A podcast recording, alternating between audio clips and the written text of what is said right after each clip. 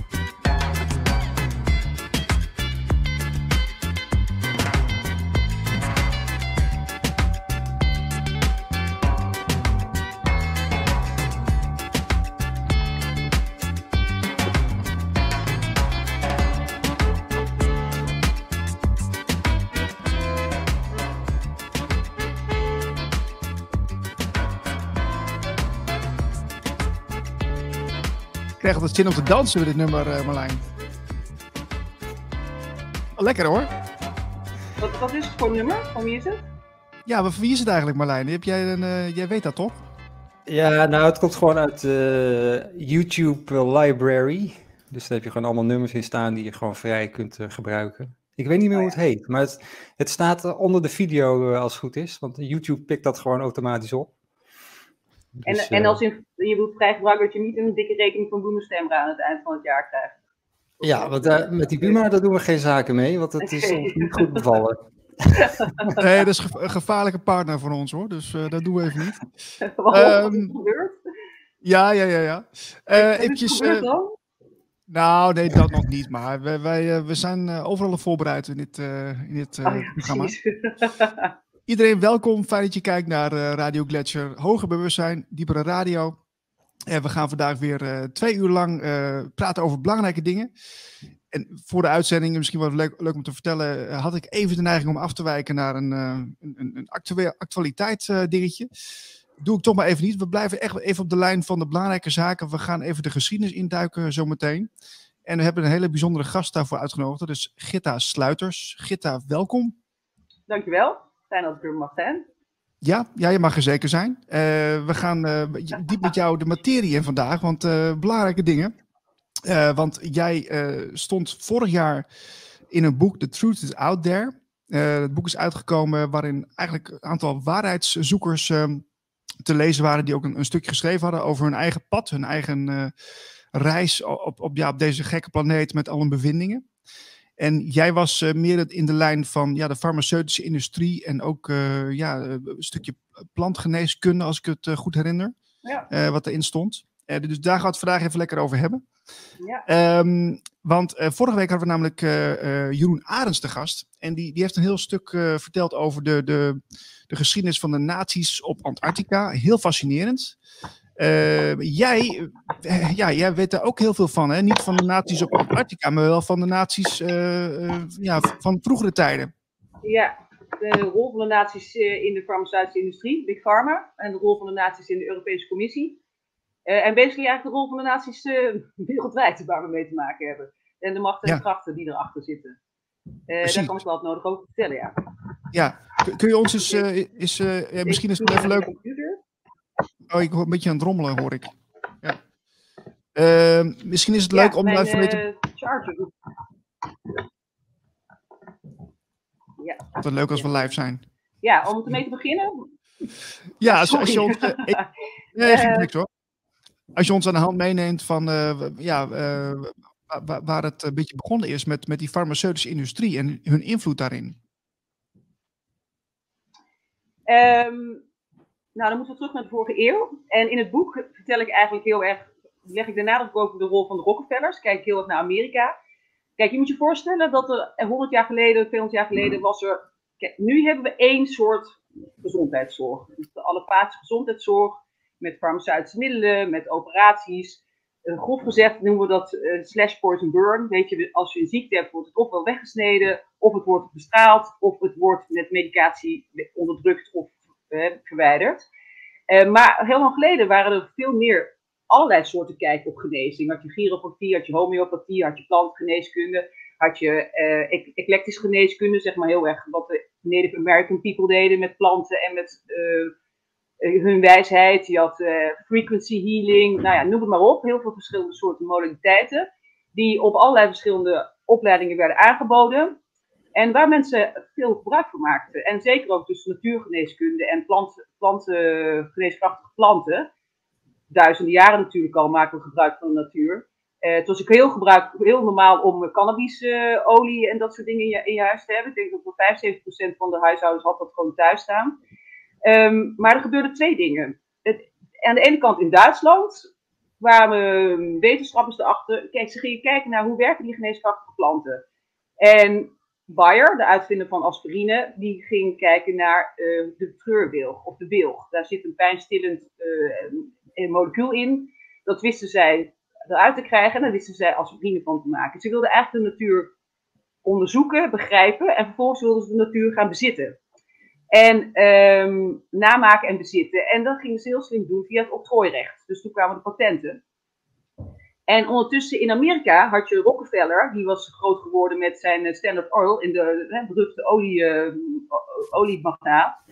Uh, hele kwaadaardige man, stond ook bekend als, uh, gewoon een hele beruchte kwaadaardige man, had een hele slechte reputatie. Is op een gegeven moment veroordeeld omdat hij allerlei monopoliewetten over, overbrak. Dat was dus gewoon echt een crimineel, kun je eigenlijk wel zeggen. Zijn vader was, had als bijnaam Devil Bill. En die was, de, de term snake oil ken je misschien, hè, voor, voor bedrog. Zijn vader die verkocht uh, flesjes olie gebaseerd op petroleumachtige producten.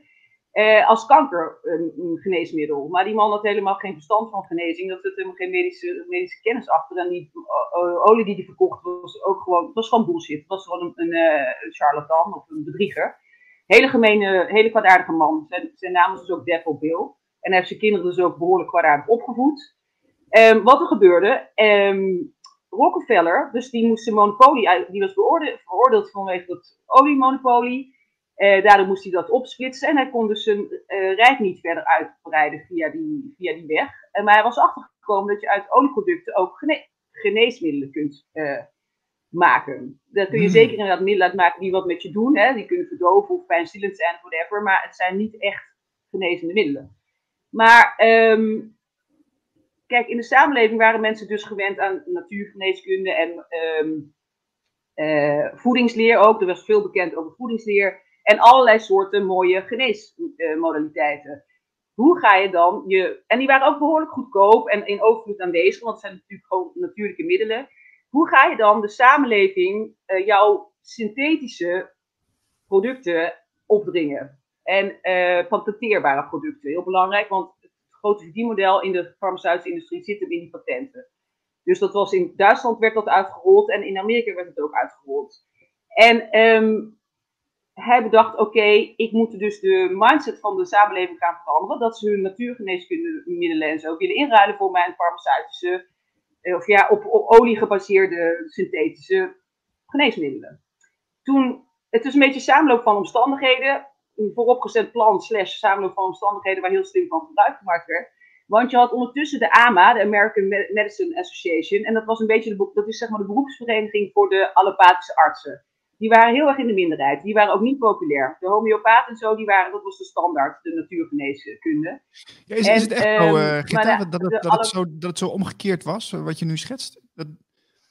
Ja, mega, totaal omgekeerd. Oh, wauw. En ja. um, en um, de allopathische. Kijk, dat onderwijs was dus ook helemaal niet gestandaardiseerd. Er werd geen kwaliteitscontrole, niks. Overal had je gewoon medische scholen en werd van alles aangeboden. En de AMA, die, die zag van, ja, maar dat moeten we gaan standaardiseren. Want er moet kwaliteitscontrole en ze wilden eigenlijk ook gewoon hun manier van denken er doorheen duwen. Oh ja, belangrijk om te zeggen is dat er eigenlijk een grote strijd gaande was tussen um, dus die allopathische kijk. Dat je dus, die zien ziekte eigenlijk als indringers hè, van buitenaf virussen en bacteriën en uh, pathogenen en dat soort dingen, wat verwijderd moet worden. En je hebt meer de holistische kijk op genezing, die zetten veel meer in op het zelfgenezend vermogen en die kijken veel meer naar de mens als geheel. Um, ik, ik, ja, ik zal een beetje uitleggen dat allopathisch komt best wel vaak neer op symptoombestrijding. Dus je kijkt naar wat voor symptomen je hebt, in, hè, wat voor klachten je hebt. En die worden wel weggehaald, wat ik dus zeg, door snijden of uh, straling of medicijnen. Maar naar de oorzaak wordt niet echt gekeken. En die oorzaak kan op hele andere levels liggen dan het lichamelijke. Dat kan emotioneel zijn, dat kan mentaal zijn, dat kan spiritueel zijn. En holisten kijken wel dus naar het geheel. Als jij vroeger misbruikt bent of zo, en je hebt dat jeugdtrauma nooit verwerkt, dan kan het zomaar dat daar een ziekte zich, hè, dat zich dat ontwikkelt tot een ziekte. Want dat ettert gewoon op dat trauma. En uh, als je dus die bron niet aanpakt en niet aan inner, hier, innerlijk healingwerk doet, dan zal dat dus niet opgelost worden. Dan komt die ziekte op een andere manier wel weer naar buiten. Mm, Even kort mm. door de bocht. Ja. Um, dus die strijd was gaande. Daarvoor eigenlijk, ik sta nog één stap over, was er, is een grote academische strijd geweest tussen um, Louis Pasteur, die kennen we natuurlijk allemaal, en Deschamps. En, en nog een naam, Deschamps en um, ben zijn naam even kijken, maar in ieder geval, Louis Pasteur is de man van de ziektekiemtheorie. Basically wat de basis is van ons paradigma in de gezondheidszorg tegenwoordig.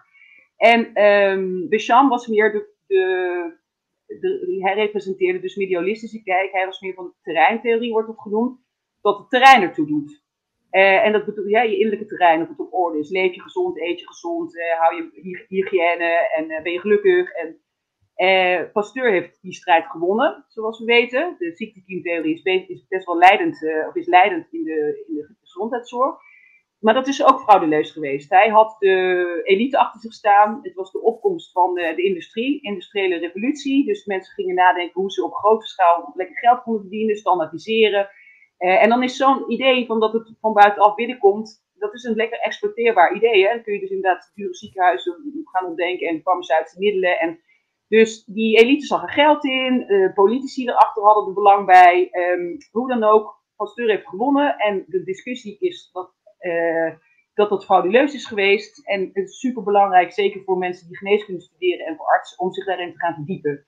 Want je hele paradigma, je hele paradigma waarop jouw kijk op genezing is gebaseerd, is zeer waarschijnlijk totaal op een frauduleus onderzoek en gedachtegoed gebaseerd. Anyway, die discussie was gaande. En uh, Rockefeller die moest dus zijn uh, geneesmiddelen op de bevolking af gaan sturen. Waar begin je dan bij het onderwijs? De American Medical, uh, de AMA zeg maar, was dus al bezig met dat ze dus de scholen wilden gaan evalueren en standaardiseren. Hun geld was op een gegeven moment op. Daar komt Rockefeller samen met Carnegie. Hij had de handen ineengesloten met een paar andere grote rijke oligarchen.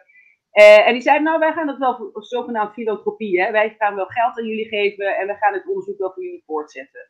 Toen hebben ze Abraham Huxler, Huxler sorry, Abraham Flexner, het Flexner-rapport, ingehuurd. En zijn broer Simon Flexner, die zat ook weer in de board bij Rockefeller of zo. In ieder geval, het was allemaal weer belangenverstrengeling. En Abraham Flexner was een, iemand die kwam vanuit de leer, was een leer, vanuit de leerkracht. Die had geen medische achtergrond, die keek naar uh, de wereld vanuit onderwijs. En die was heel erg getraind in de Duitse manier van denken. Uh, heel strak alles georganiseerd. En hij ging dus zogenaamd alle onderwijs, alle medische opleidingen evalueren. En dat resulteerde in 1910 in het Flexen-rapport. En dat is een mega belangrijk rapport om te kennen. Want dat heeft basically de hele koers van de westerse gezondheidszorg bepaald. En um, wat Flexner concludeerde in dat rapport was dat alleen op allopathische kijk uh, gebaseerde gezondheidszorg serieus genomen mag worden. En alle andere dingen waren ofwel inferieur ofwel kwakzalverij. Dus over één nacht ijs waren geneeskunde, beetje plantgeneeskunde die duizenden jaren al werden gebruikt, waren opeens kwakzalverij of interieur ja. en mochten niet, was allemaal niet meer goed genoeg. Gitta, ik heb even, even een vraagje. Um, want, uh, ja. Dus ja, eigenlijk vanaf dat moment is, is dat paradigma eigenlijk geschapen, zeg jij. Hè? De, dus dus de, de, de manier van denken werd dus heel erg ja. neergezet. Maar was er ergens ook vanuit een hoek kritiek of, of werd het gewoon uh, door iedereen omarmd? Weet je daar iets van? Ja, dat ga ik je nu vertellen. Ja, dat ga ik je nu vertellen. Dat is natuurlijk een hele hoop kritiek. Basically gewoon wat er nu met corona gebeurt. was er ook een hele hoop kritiek van een hele hoop artsen en wetenschappers. Maar die zijn gewoon monddood gemaakt en uit de weg geruimd. En um, kijk, dus dat flexrapport was er. Uh, Rockefeller had heel veel invloed op het congres en op de media. Dus hij zorgde ervoor dat in de media dat dit rapport heel erg veel reuring kreeg van oh nou alle, heel veel opleidingen zijn inferieur en we mogen alleen nog maar dit soort onderwijs doen. En, en toen heeft hij het congres uh, heeft hij, uh, uh, zijn invloed op uitgeoefend dat ze de AMA, kijk, om dus, ze wilden dus één bepaald soort school gaan neerzetten en dan moest dan een licentie, hè, van jij bent goed genoeg, om, jij krijgt een onderwijslicentie. Hebben ze de AMA de bevoegdheid gegeven om die licenties uit te delen. Dus de, mm. de beroepsvereniging van alle Paatse artsen, die kreeg de licentiebevoegdheid. Dat is letterlijk, om even een vergelijking te trekken, alsof je aan slagers laat bepalen wat op de menukaart komt. Nou, dan komt er dus nooit een vegetarisch gerecht op. Weet je, dus het is gewoon. uh, dus de aanmaak kreeg de licentie en hij ging ontzettend veel geld onder het mom van filantropie uh, geven aan uh, opleidingen, aan universiteiten. Maar dan wel, kijk, echte filantropie is natuurlijk totaal onvoorwaardelijk gewoon een donatie van doe er maar mee wat je wil. Maar hij ging allemaal voorwaarden stellen. Dus het waren basically gewoon investeringen waar hij later de, de vruchten van ging plukken. Um, mensen van Rockefeller moesten in, de moesten in de raad van bestuur. En het onderwijscurriculum moest wel volgens hoe hij het wilde. En toen kwamen echt boekverbrandingen. Uh, voedingsleer werd uit het onderwijs geschrapt. Natuurgeneeskunde werd uit het onderwijs geschrapt. Dus het werd allemaal poepelberoep in een allopathische trechtdruk gestopt. En uh, wat je vroeg over die weerstand, artsen en uh, onderwijzers, hoogleraren, Nobelprijswinnaars die erop tegen ingingen, werd, werd hun licentie uh, afgenomen, werden in de bak gegooid, zijn zelfs gestorven. kruidenvrouwtjes, er werd gewoon een heksenjacht opgemaakt. Het was echt keihard wat er toen gebeurde en levensgevaarlijk voor de mensen die er dus tegen ingingen. En uiteindelijk zijn dus studenten geneeskunde vanaf, vanaf dat moment eigenlijk worden ze geïndoctrineerd om salesmen en distributie distributiepunt voor Big Pharma te worden. En wat natuurlijk heel sprekend is, dat we tegenwoordig over studie medicijnen spreken. En niet meer over studie geneeskunde. Want het is letterlijk een studie medicijnen. En vanaf dat moment krijgen dus uh, geneeskundestudenten niks meer over voedingsleer. Uh, je krijgt eigenlijk vanaf het begin te horen dat homeopathie uh, een beetje kwakzalverij is of homeopathisch. Er werd een heel elitair hotel systeem gecreëerd. Allemaal willens en wetens. Nou, dan, oh ja, en alleen nog maar uh, wetenschap wat onderzoek deed naar op farmaceutische middelen gebaseerde uh, onderzoeken werd, werd gesponsord, gefund. Um, op, zeg maar, op al deze levels werd gewoon dat allopathisch, die allopathische trechter doorgevoerd. Toen hadden ze dus de. Gitter, gitter, gitter, gitter, gitter, gitter, gitter. Uh, wanneer, uh, wanneer, over welke tijd hebben we het nu? Hebben we het nu? Dus uh, begin vorige eeuw? En in 1910 begon dit. In 19, ja, in 1910 is het Flexel-rapport uitgekomen. Dus die jaren daar voorafgaan was de voorbereiding. En in 1910 kwam het Flexel-rapport. En vanaf dat moment uh, is het, zijn ze het verder gaan uitrollen. Dus, en, dus, dus een um, paar jaar maar? Dat het nou ja, nee, de hele tijd zijn ze bezig geweest. Nee, want ik, ik, ik, zal je doorvertellen. Want dit is puur nog de aanbodkant. Hè? Dit, zijn nog, dit zijn de artsen die dus het aanbieden. En um, wat belangrijk is voor mensen te gaan snappen, degene die het onderwijs bepaalt, bepaalt hoe de samenleving denkt dat is namelijk natuurlijk niet alleen voor het geneeskundeonderwijs. Dit is relevant om te beseffen voor alles. Wie bepaalt het onderwijs, wie bepaalt het curriculum, wie bepaalt wat de samenleving denkt. En dus de aanbodkant hadden we covered. De artsen die gingen voortaan farmaceutische middelen voorschrijven. Maar dan heb je nog de vraagkant, de patiënt, de consument. Die was natuurlijk in eerste instantie helemaal niet geïnteresseerd om goedkope, natuurlijk 100% natuurlijke mooie middelen uit de natuur te gaan vervangen voor hele dure synthetische patenteerbare middelen van Rockefeller. Die ook nog eens een hele beruchte reputatie had, zoals ik vertelde. Maar die heeft heel slim een ehm, PR-guy ingehuurd. Ledbetter heet hij geloof ik. Dat is een beetje de godfather van uh, public relations. En die heeft het hele imago van Rockefeller toen omgeturnd. Misschien ken je dat beeld dat hij altijd muntjes uitdeelt. Opeens was het namelijk een weldoener. Dus van een beoordeelde keiharde oliezakenman was het opeens een goeddoener. Nou, iedereen die een beetje oplet in de wereld, die weet dat uh, filantropie gewoon een dekmantel is voor uh, social engineering. Met een mooi PR-glansje. En uh, Rockefeller Foundation en al die foundations zijn gewoon belastingparadijzen.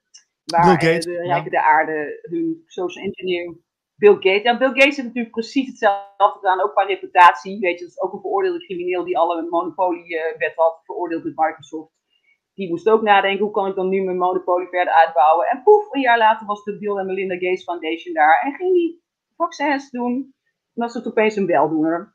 Nou, ik kan je zeggen, als je echt wel, weldoener wil zijn in derde wereldlanden, dan ga je die kindertjes schoon drinkwater geven en schoon hygiëne en goede voeding. En dat ze eigen landbouw kunnen verbouwen.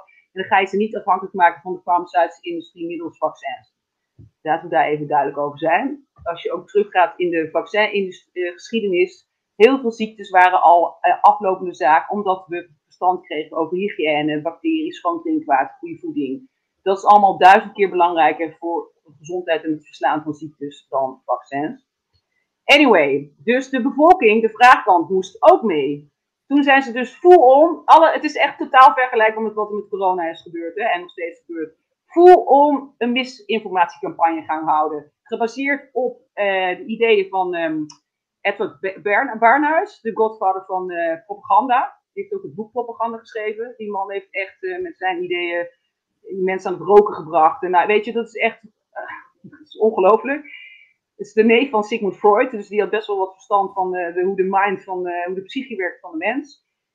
Um, er werden fake onderzoeken door de farmaceutische industrie op de markt gebracht. En daar werden dan de naam van artsen aan verbonden. Die werden daarvoor betaald. Er werden reclamecampagnes. Fake um, onderzoeken? Weet je? Nou ja, dat, je dus, dat wordt ghostwriters ook genoemd. Um, dan worden dus artsen verbonden aan, uh, oh, hier heb je. Ja, nou dan worden, weet je, dat een arts of een wetenschapper zijn naam verbindt aan een uh, onderzoekresultaat, terwijl die er helemaal niks mee te maken heeft. En dat onderzoek is dan gewoon door de farmaceutische industrie geschreven. Ah. En um, uiteindelijk hebben ze het gewoon zo voor elkaar gekregen dat echt de mindset helemaal veranderd is van de mensen. En dat alleen nog maar de allopathische geneeskunde als hè, het, uh, de, de, nieuwe standaard wordt gezien en als het superieure. En de rest is gewoon ofwel inferieur of pseudowetenschap of letterlijk kwakzalverij. Dat zijn ook wel een beetje de... Als er ergens pseudowetenschap en kwakzalverij wordt gezegd, dan weet je wel zeker dat het de codewoorden zijn van Big Pharma om concurrentie uit de markt te duwen. Nou, dan had je dus de, vraagkant, de aanbodkant dat je covert, de vraagkant dat je covert. Maar nu moet je wel ook nog dat hele systeem uh, dat de mensen te laten geloven dat, dat die farmaceutische middelen superieur zijn aan de rest om in stand te houden. Dus dan moet je de regulering, de wetgeving, de perceptie gaan beïnvloeden.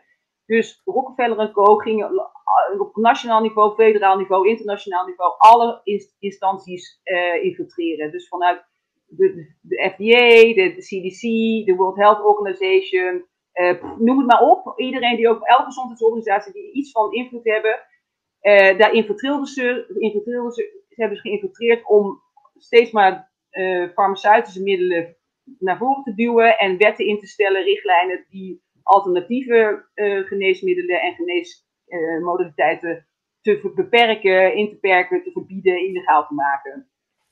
dit is extreem belangrijke informatie, want dan snap je dus hoe er op wereldniveau. Ze hebben gewoon, toen zijn ze de hele eeuw bezig geweest om dus dit farmaceutische kartel en het farmaceutische monopolie, kun je wel zeggen, te vormen. Een soort, soort ehm, olie, olievlek over de aarde, zeg maar, met hun, met hun tentakels. Uh, ja, ja, ja, ja, echt letterlijk. Oh ja, belangrijk, want nu gaan we richting jouw vraag over de naties. Ondertussen had Rockefeller ook aan het begin van dat hij dit pad op ging, uh, een aandeel gekocht in IG, Far IG Farben. En IG was een conglomeraat van een aantal uh, farmaceuten, Bayer, Agfa, Heugst, en nog een aantal, en die zijn vandaag de dag nog steeds bepalend in de wereld. En um, dat was het grootste, op een gegeven moment grootste farmaceutische en chemische conglomeraat ter wereld. En um, dankzij IG Farben, die, dat is mega belangrijk dat mensen dit gaan beseffen. IG Farben heeft een beslissende rol in de vorige eeuw gespeeld. Die hebben Hitler in het zadel geholpen en die waren gewoon totaal bepalend voor wat in de Tweede Wereldoorlog is gebeurd. En dat heeft alleen maar gekund dan door geld uit Amerika. Rockefeller, maar ook uh, Ford en zo. Nou echt veel, veel Amerikaanse in, industriëlen. Dus er zit dus ook een mix van mensen die gewoon uh, hebzuchtmotieven hebben en mensen die met de grotere machtsgreep bezig zijn. Nou, dan heb je IG Farben en, en Standard Oil was tijdens de Tweede Wereldoorlog bezig gewoon één, één en hetzelfde bedrijf. Um, ehm, SS'ers werden betaald van het geld van Standard Oil. Hitler zijn, zijn luchtmacht vloog op Standard Oil. Um, Auschwitz was het laboratorium van uh, ja, de, de, New World Order. Ik denk dat jullie in het radioprogramma daar wel over gesproken hebben. De machtsgreep die gaan is, is laten we het de New World Order noemen. Mm Auschwitz was hun laboratorium. En um, wat Jozef Mengele daar heeft gedaan op de, op de gevangenen, hè, de, dus medicijnentesten, vaccinstesten, mind control testen, genetica testen. Uh, dat zijn gewoon de pijlers van de New World Order.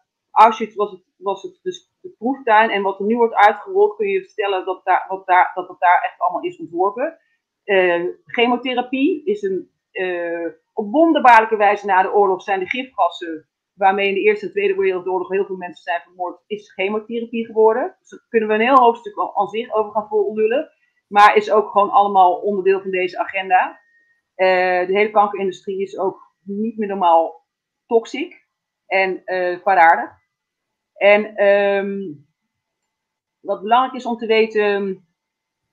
Oh ja, er was ook nog, uh, je, eugenetica hoort er dus helemaal bij. En ehm, psychiatrische onderzoeken. Het werd allemaal nog gesponsord door Rockefeller en zo. Als je erin duikt, die schrikt je helemaal de tering. Het is zo ongelooflijk waardaardig. En um, nou, wat even een vraag. Even een vraag. Want uh, in, in het begin is het zo van, er worden allemaal mensen gesponsord. Hitler wordt gesponsord. Mhm. En dan, uh, ik kan ook, uh, ook wel snappen van, oké, dat gaat dan om geld. Dat je mhm. de homeopathie eruit drukt, want dan kun je gewoon mhm. geld verdienen. Maar de, de, uh, al, al die onderzoeken in Auschwitz en zo, dat, dat lijkt meer op een soort ideologie. Dat gaat niet meer over geld verdienen. Echt meer. Nee, dat is het helemaal niet. Joh. Die mensen hebben geld zat. Dit gaat überhaupt niet over. Uh, Faisal zo ook geld zat. Hè? Dit gaat helemaal niet om, dit gaat niet om geld. Dit gaat om de machtsgreep waar we in zitten. Dit gaat om de enslavement of humanity. Um, de fifth pijlers genocide. De mensheid moet gewoon uh, grotendeels uitgemoord worden. Um, eugenetica, wat je zegt, inderdaad een ideologie. Er wordt met ons geknutseld omdat wij anders moeten worden. En de we zitten in de middle of global awakening. Hè? People are waking up. En dat komt omdat blauwdrukken en sleeping cells in ons DNA worden geactiveerd. Omdat er bepaald licht naar de aarde aan het komen is, bepaalde e- nieuw, ja, nieuwe aarde-energie, de Aquarius-energie. Dus wij zijn wakker aan het worden en wij krijgen activaties en downloads. En dat zit in ons DNA-RNA. De donkere krachten weten dit natuurlijk ook. Dus ja, ik denk dan heel duidelijk, waarom hebben we opeens mRNA-vaccins, die letterlijk met ons DNA-RNA knoeien. Uh, ik heb dit soort boekjes, die ken je misschien ook, de nieuwe roep en de roep tot ontwaken en dat soort dingen. Oh, ja. Daar gaat het letterlijk in over ons DNA-RNA waar de activaties zitten. En dan een paar jaar later opeens mRNA-vaccins, weet je wel. Dus, maar je hebt gelijk, dit is dus een hele grote ideologie. We zitten in een, we zitten in een machtsgreep. Hè. De wereldwijd wordt de mensheid gevangen gezet. Um, en uh, we gaan uiteindelijk natuurlijk richting transhumanisme. Tenminste, dat is de bedoeling. Maar ik ben ervan overtuigd dat het helemaal niet gaat lukken. Maar dat is wel waar ze dus mee bezig zijn. Eugenetica, transhumanisme, de depopulatie, genocide, mind control. Dat zijn echt de vier belangrijke pijlers die we in de gaten moeten houden en waarvan een grote basis in Auschwitz ligt. Um, wat gebeurt er na de oorlog? Um, Hitler heeft zogenaamd verloren. De derde, Rijk, de derde Reich-idee is niet gelukt. Um, dan heb je de processen van Nuremberg. Daarin worden enkele mensen veroordeeld uh, tot, tot doodstraf. Eigenlijk gewoon de militaire, de militaire tak ervan. Maar de captains of industry, ja, die worden wel veroordeeld. Die krijgen een paar jaar gevangenisstraf. Maar bijvoorbeeld Frits de Meer, wat echt een van de grote boeven was. Een van de grote, het zijn allemaal SS'ers en zo. Hè. We hebben het echt over het kwaadste van het kwaadste. Uh, die heeft, kreeg acht jaar gevangenisstraf. Terwijl hij dus, uh, veroordeeld is voor misdaden tegen de mensheid. En nou ja, het ergste van het ergste. Na drie jaar werd hij weer eens goed gedrag al vrijgelaten. Er zat een of andere clausule in de Nuremberg-processen dat je dus uh, niet zomaar weer uh, aan het werk mocht. Maar die clausule is er, along the way geschrapt. Dus de Meer kon in 1956, geloof ik, werd hij weer terug, werd hij CEO van Bayer. En dit is dus een veroordeelde oorlogscrimineel. Die werd ja. weer uh, en, um, en die is vervolgens in Duitsland gewoon een eervol burger geworden. En zo kun je een hele rits van deze mensen noemen. Die worden nu gewoon als eervolle mensen gezien. Terwijl, wat the fuck, sorry voor taalgebruik. En dan had je nog een andere guy, die moet ik even de naam erbij noemen. Oh ja, Walter Hallstein. Die ook oh, dat moet ik toch afvragen, Getta? Ik, uh, want ik, uh, ik zit heel, heel aandachtig te luisteren. Uh, dat, weet je, natuurlijk jaren 50, dat waren andere tijden, dat snap ik ook wel. Maar dat, dat, dat er, voor mijn gevoel ja, er moet toch ergens aandacht voor geweest zijn in, in kranten of op tv, of dat er, dat er iemand iets zei of geschreven heeft over dat dat zomaar gebeurde? Hier heb ik niet echt een duidelijke uh, vraag op. Ik bedoel, na de oorlog, mensen waren natuurlijk, heel veel mensen waren totaal in shock. Uh, letterlijk gebrainwashed. Wir hebben is niet woest verhaal, weet je wel. Alle kinderen die bij de, in, bij de Hitlerjugend, die zijn letterlijk in kampen gestuurd om gedeprogrammed te worden en zo. Dus ja, maar dit soort vraag kan niet zo heel duidelijk beantwoorden. Ik bedenk wel opeens wat even belangrijk is om te noemen, is natuurlijk eh, de Rothschilds. Die zitten hier heel erg achter en dat is mm echt de, aan de Europese kant. En de Rockefellers zijn hun overzeese handlangers. Die staan in hiërarchie onder de Rothschilds. Dus ik zie, wat ik zelf persoonlijk denk, is dat Rockefeller gewoon, uh, ge, uh, hoe noem je het ook weer, als je ge, ergens voor, ge, uh, voor erbij wordt gehaald, zeg maar Nou, ik kom zo. Oh, oké. Ja. Oh, ja. Als je het, le het recruit, die is natuurlijk gewoon voor recruit, weet je wel. Oh, zo ja. Zoals nu, Ja.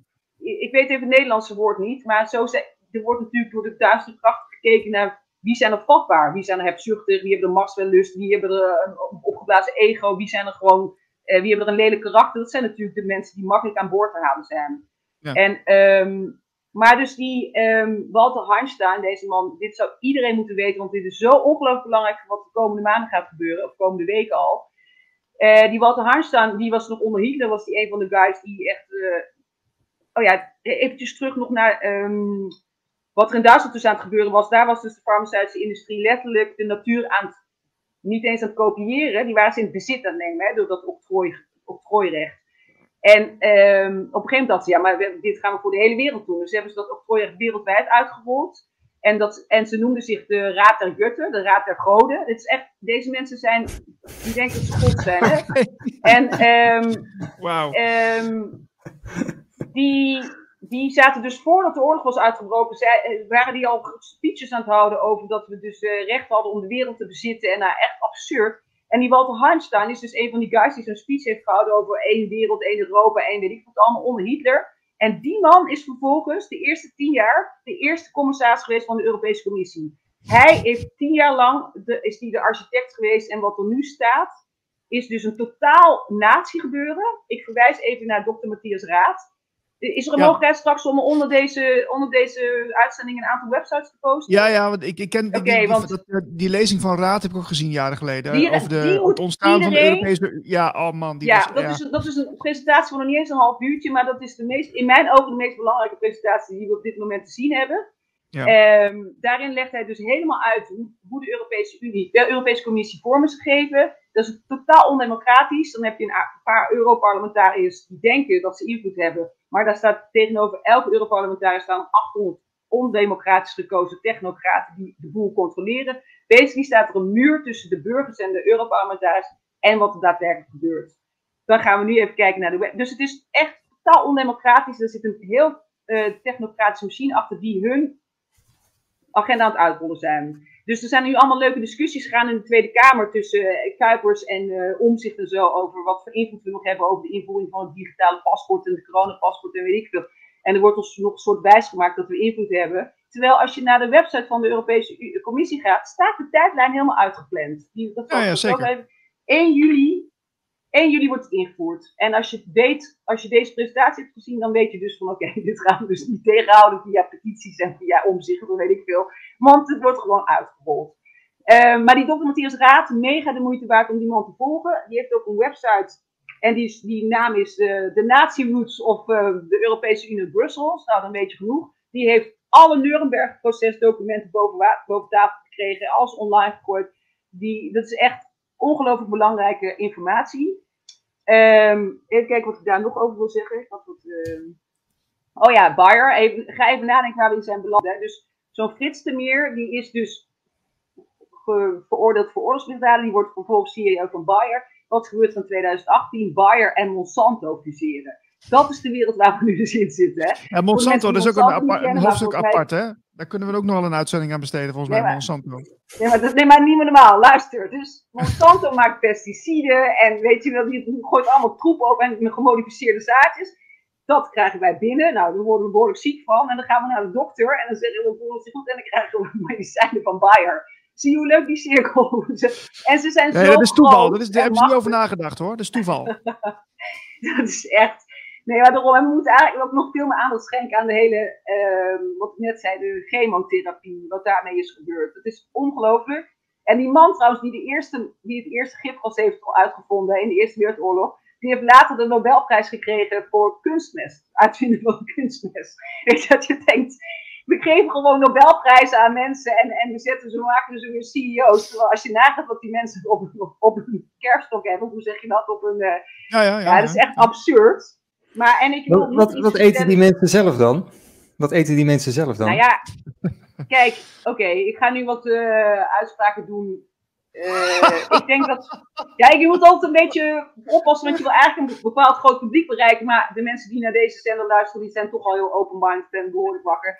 Ik denk dat we niet met mensen te maken hebben. Ik denk dat we, dat we met een uh, extraterrestrial agenda te maken hebben. En deze mensen hebben dat een ander DNA.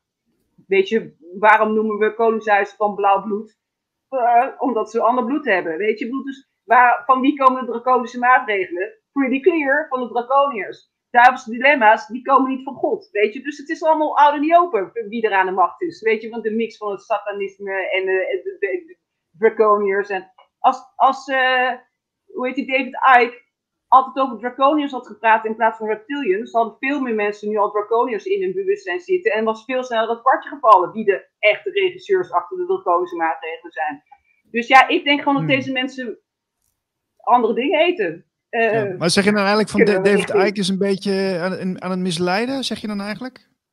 Nee, nee, nee, want draconiërs en reptilians, dat, die horen in hetzelfde ras en zo. Ja, daarom, nee, ja. ja, ik weet dat Oh nee, het is gewoon meer van als hij een andere term had gebruikt, was het sneller duidelijk. Weet je, als Rutte had gezegd, we, moeten reptilian maatregelen doorvoeren, had iedereen het ook sneller gesnapt.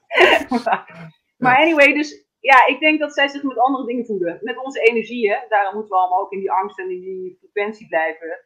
En dan kunnen we nog richting de pedofiele netwerken en zo gaan. Maar laten we daar vandaag van weg blijven. Maar dus ja, die voeden zich met van alles. Maar niet met de gemodificeerde zaadjes van Monsanto, denk ik. lijkt, lijkt me niet. Of aspartaan, ook zo'n mooie uitvinding van, Monsanto. Daarvan, ik, ik weet dat is een zoetstof, hè. ik weet niet of mensen zich daarvan bewust zijn, maar dat zit in allerlei live producten en zo. Daarvan is bekend dat het kanker veroorzaakt. Eh, dat wist Monsanto. En, en, vooral dat ze wisten, het is meer verslavend dan heroïne. En, en dat hebben ze gepresenteerd aan de frisdrankindustrie. En die frisdrankindustrie heeft gedacht, oh mooi, dat gaan we dus in onze frisdrank stoppen, want dat is lekker verslavend het is zo ziek wat er gebeurt. Weet je, ieder normaal denken mensen denken, oké, dit is dus heel slecht voor ons, dit gaan we niet gebruiken. Maar dit zijn mensen die, zijn die worden gedreven door hebzucht. En niet non-integriteit en corruptie en weet veel. Maar weet je, als je, je kunt door en door graven in deze rabbit hole.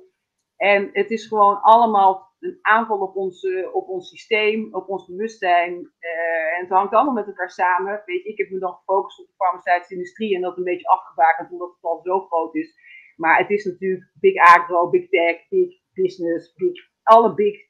En ze werken allemaal samen. En het komt gewoon neer op een spirituele oorlog op ons bewustzijn en een vergiftigingsaanval op ons systeem, die op alle lagen wordt uitgevoerd. Met wat we eten, met wat we drinken, met wat we luisteren. Oh ja, belangrijk, Um, ook terug naar Auschwitz, want mensen zeggen, oh, complotgekkies en dit en dat. denk ik, ja, complotgekkies. De helft van deze complot is al lang oud en niet open.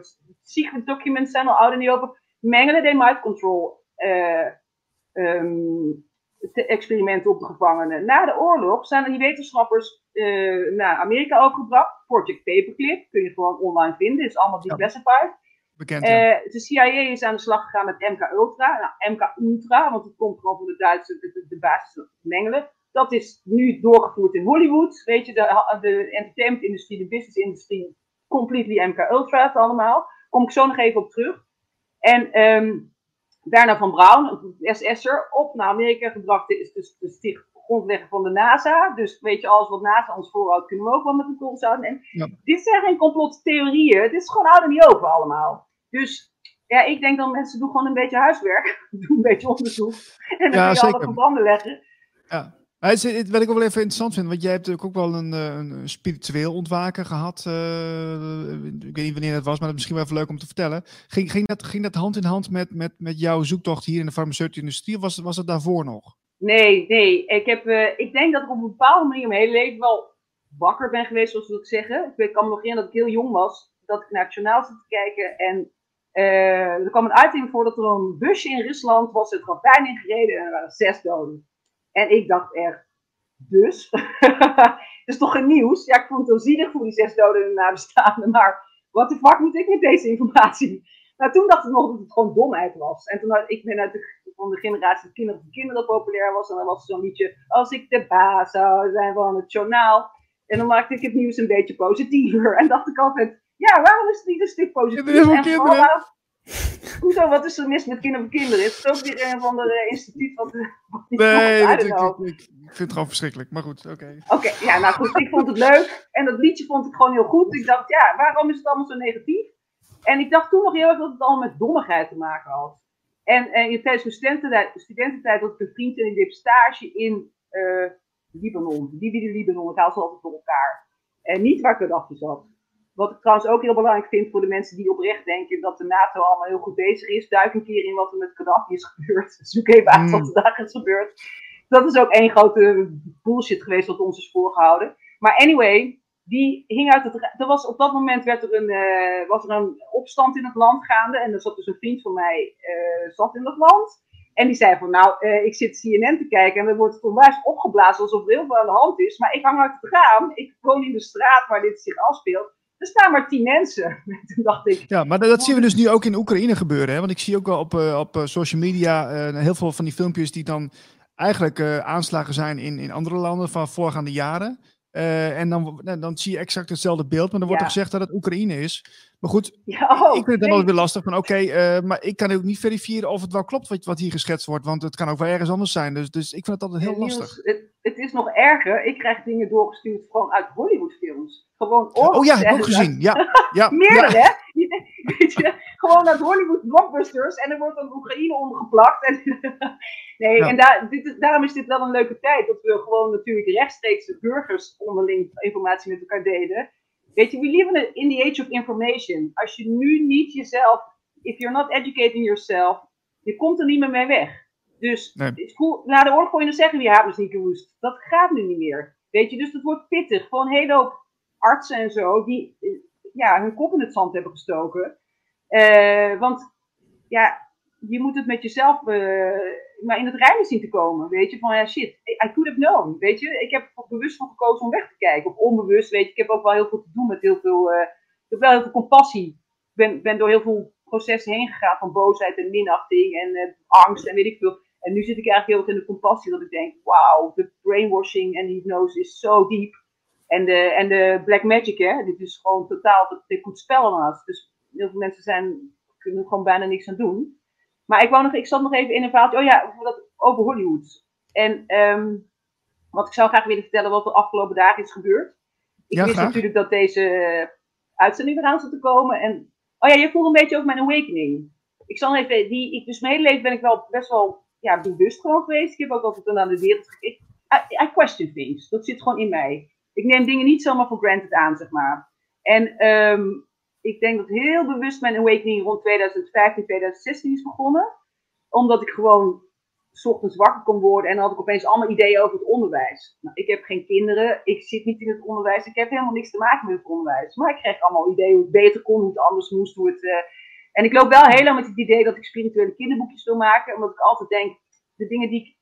Mijn levenslessen, daar heb ik veel meer aan dan wat ik op school heb geleerd. En ik zat nog op de vrije school vroeger. Ik heb op Rudolf Steiner gezeten. Dus ik vind dat ik al best uh, geluk heb gehad met wat voor soort onderwijs ik heb gehad. Maar zelfs daarin kan er nog veel meer verbeterd worden. Maar dus ik begon opeens allemaal uh, ideeën te hebben hoe de, wereld beter, hoe beter kon. Ik was heel al veel bezig met plantmedicijnen, wat je zei. Ik werk veel met ayahuasca. Dat pad zit ik al behoorlijk lang op. En daar krijg je natuurlijk ook gewoon heel veel inzichten door en lessen. En, uh, en, en er werd een activist in mij wakker. Een warrior. Want ik begon echt te voelen van, ik wil, de wereld kan beter en ik wil eraan bijdragen. En uh, ik was richting de 40 aan het gaan, dus dan kom je ook op het punt dat je meer zingeving en uh, uh, ja, het was gewoon, er gebeurde van alles tegelijkertijd. En toen ik 40 werd, heb ik ook heel bewust, dat was in 2016, heel bewust de keuze genomen. Oké, ik heb 40 fantastische jaren gehad, die gingen allemaal over mij. Ik heb een heel leuk leven kunnen leiden, allemaal mooie dromen waar kunnen maken nou is het tijd om te start serving, ja, de, de greater good of all. Nu wil ik gewoon dienstbaar worden aan, het, uh, aan de samenleving, aan het geheel. Dat is een hele bewuste keuze geweest. En vanaf dat moment heb ik ook uh, mijn leven in het teken daarvan gezet. Heel veel nieuwe aarde. Ik had heel veel al te zien gekregen over de nieuwe tijd waar we naartoe gaan, de nieuwe aarde. Ik heb hem al mogen zien, ik heb hem al mogen proeven. En ik heb er al een glimp van gezien. Dus ik weet dat, we dus, dat hij er is. Ik weet dat we hem kunnen gaan uh, manifesteren. En ik kwam wel steeds meer achter inderdaad de lelijke kant van alles. Want um, ik werkte al best wel lang met ayahuasca in Nederland. Maar toen in 2016 voelde ik van, oké, ik wil mensen gaan vertellen dat dit een medicijn is en geen gevaarlijke drugs. Maar dan moet goed beslagen lijst komen. Ik wil erover gaan schrijven, erover gaan praten. Dan ga ik nu eindelijk naar de jungle. Dat was een droom die ik al heel lang waar wilde maken. En um, toen ben ik naar de Amazone gegaan om met de planten te leren werken, om van de shamanen te leren. En ik kwam helemaal beklopen terug. Ik dacht, wauw, dit is zo'n onwijs mooi medicijn. Hier gaat de samenleving echt heel veel baat bij hebben. Op individueel niveau en op collectief niveau. En dus we moeten zorgen dat het van de lijst van verboden middelen afkomt. En dat iedereen eh, de toegang tot krijgt. En, en, ik was toen echt nog wel een beetje naïef met die lijst van verboden hmm, middelen. Dat ik dacht, de middelen die daarop staan, daar is goed onderzoek naar gedaan. En dat is van gebleken dat het zo'n groot gevaar is voor de volksgezondheid. Trouwens, ik was niet helemaal naïef, want ik ben een onwijs partygirl. Ik kwam uit de dancewereld en ik heb basically alle partydrugs wel gedaan die, die verboden zijn. Dus van bepaalde middelen zoals ecstasy en zo kon ik al, wist ik al van, maar dit zijn hele mooie middelen. Dit zijn hartopening uh, medicijnen die ook in therapeutische setting gebruikt worden. En uh, ik kon ook heel duidelijk het onderscheid zien. Cocaïne is completely demonic, weet je wel. Ecstasy, LSD, mushrooms, die ook die lijst er klopt niks van die lijst van verboden middelen. En, maar toen was ik keek er al meer naar van, nou, ik weet niet wie je me heeft samengesteld, maar dat is geen ervaringsdeskundige. Ik denk dat ik er meer over kan zeggen. Ik heb ook nog over de toonbank ehm, medicijnen gehad. Dat staat ook in het boek The Truth Out. Ik heb, ik heb heel veel last gehad van menstruele klachten in mijn leven. En ik was ooit man op zo nabij dat ik daar antidepressiva voor heb geprobeerd. En daar ging ik heel erg slecht op. Dus toen ben ik meteen weer mee gestopt. En toen ben ik daar onderzoek naar gaan doen. Dus lang geleden hoor, 10, 15 jaar geleden. En toen kwam ik erachter dat heel veel van die shootings in Amerika op huisschools, dat het merendeel van de kinderen, die slikt dus antipsychotica of antidepressiva. En toen dacht ik, ja, wauw, ik, ik ging er ook heel slecht op. Ik kreeg echt boze aanvallen en zo, terwijl ik helemaal geen boos persoon ben van mezelf. En toen dacht ik, wauw, hé, ik ben goed op de wereld neergezet. Ik heb een hele fijne, veilige jeugd gehad. Uh, ik sta al redelijk met beide benen op de grond. Um, uh, jeetje, je zal maar in een gewelddadig gezin opgroeien en dan al die puberhormonen die je door je hoofd schiet en dan krijg je dit soort middelen. Misschien had ik ook wel een gun gepakt en wat roest. Dat was de eerste keer dat ik echt dacht van, hmm, best wel vreemd dat dit soort middelen best wel gemakkelijk over de toonbank gaan en zo gepromoot worden. En um, ik zeg niet meteen dat ze voor iedereen slecht zijn. Hè. Mijn hele verhaal is ook niet dat ik zeg van, oh, we moeten al die farmaceutische troep meteen wegdoen, want het is best wel genuanceerd. Er zitten ook medicijnen tussen waar mensen baat bij hebben. Um, en uh, het is meer zo dat we geen alternatief hebben. Dus mensen zeggen van ja, maar de, de gezondheidszorg denkt toch ook heel veel goed. Overigens, medicijnen en, en, en geneeskunde is de doodsoorzaak nummer drie wereldwijd, na hart- en vaatziekten en kanker. Dus zo goed spreekt het helemaal niet per se. Maar we hebben geen vergelijking. We kunnen niet zeggen van, uh, kijk, als we nou bijvoorbeeld in wetenschappelijk onderzoek heb je een controlegroep en heb je een, eh, waar het gaat, kun je met elkaar vergelijken. Maar we hebben maar één gezondheidszorgmodel, dus je kunt nooit zeggen van, ja, maar als we met plantengeneeskunde of homeopathie of frequency uh, werken, dan gaat het veel beter. Uh, bijvoorbeeld kanker, je had al lang geleden, had je Hoxley en Rifle. En Rifle had een of ander frequentieapparaat en Hoxley had een of ander kruidengeneesmiddelen. En die mannen waren heel goed werk aan doen op, op kankergenezing. Maar ja, die zijn ook uit de, uit de weg gewerkt. Maar even terug dus naar um, die lijst van verboden middelen. Dus ik was daar al, wat ik al een beetje dacht van, ik heb dus ervaring in het parkcircuit, ik heb heel veel ervaring in, het homeo, uh, in de entheogene plantmedicijn en ik heb ervaring vanuit over de toonbank voorgeschreven medicatie. En dan kijk je naar die lijst van verboden middelen en het eerste dat je al denkt is best wel raar om die allemaal over één en dezelfde kant te scheren. Want het zou zijn alsof je een... Kijk, die middelen hebben allemaal verschillende werkingen en een verschillend effect op je geest en je lichaam. En het zou zijn alsof je een lijst hebt met uh, drankjes. En dat je zegt, nou, breezer en whisky en koffie en bronwater en een groene smoothie en kruidenthee are the same thing, hebben hetzelfde effect op ons. Want het zijn allemaal drankjes. Of een lijst met sporten en dan zeg je de gevaren en risico's van skiën en badminton en pingpong en uh, sky, uh, hoe heet kitesurfen, zijn hetzelfde.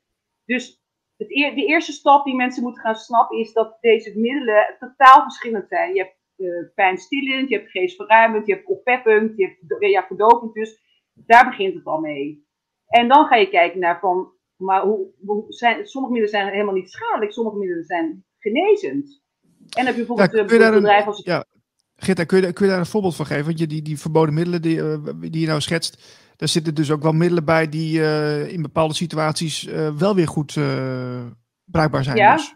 bijvoorbeeld, ja. ik noemde net al het voorbeeld van de ecstasy, MDMA dat, dat wordt dus tegenwoordig, kijk, er is veel aan, er begint, er begint een bewustzijnsverandering te komen, in het, ook in de gezondheidszorg. En mensen beginnen open te staan voor psychedelica en diogenen. En uh, uh, dat was al gaande, moet ik zeggen. Met LSD werd er ontzettend goed werk. Ja, oké, ik ga je even vertellen, want dit was een van mijn eerste momenten dat ik dus begon in te zien van, wat er daadwerkelijk aan de hand is. Dat was door de lijst van verboden middelen. Want ik kwam dus helemaal bevlogen terug en ik dacht, nou, ik ga, ik ga strijden dat de ayahuasca gelegaliseerd gaat worden en geaccepteerd gaat worden.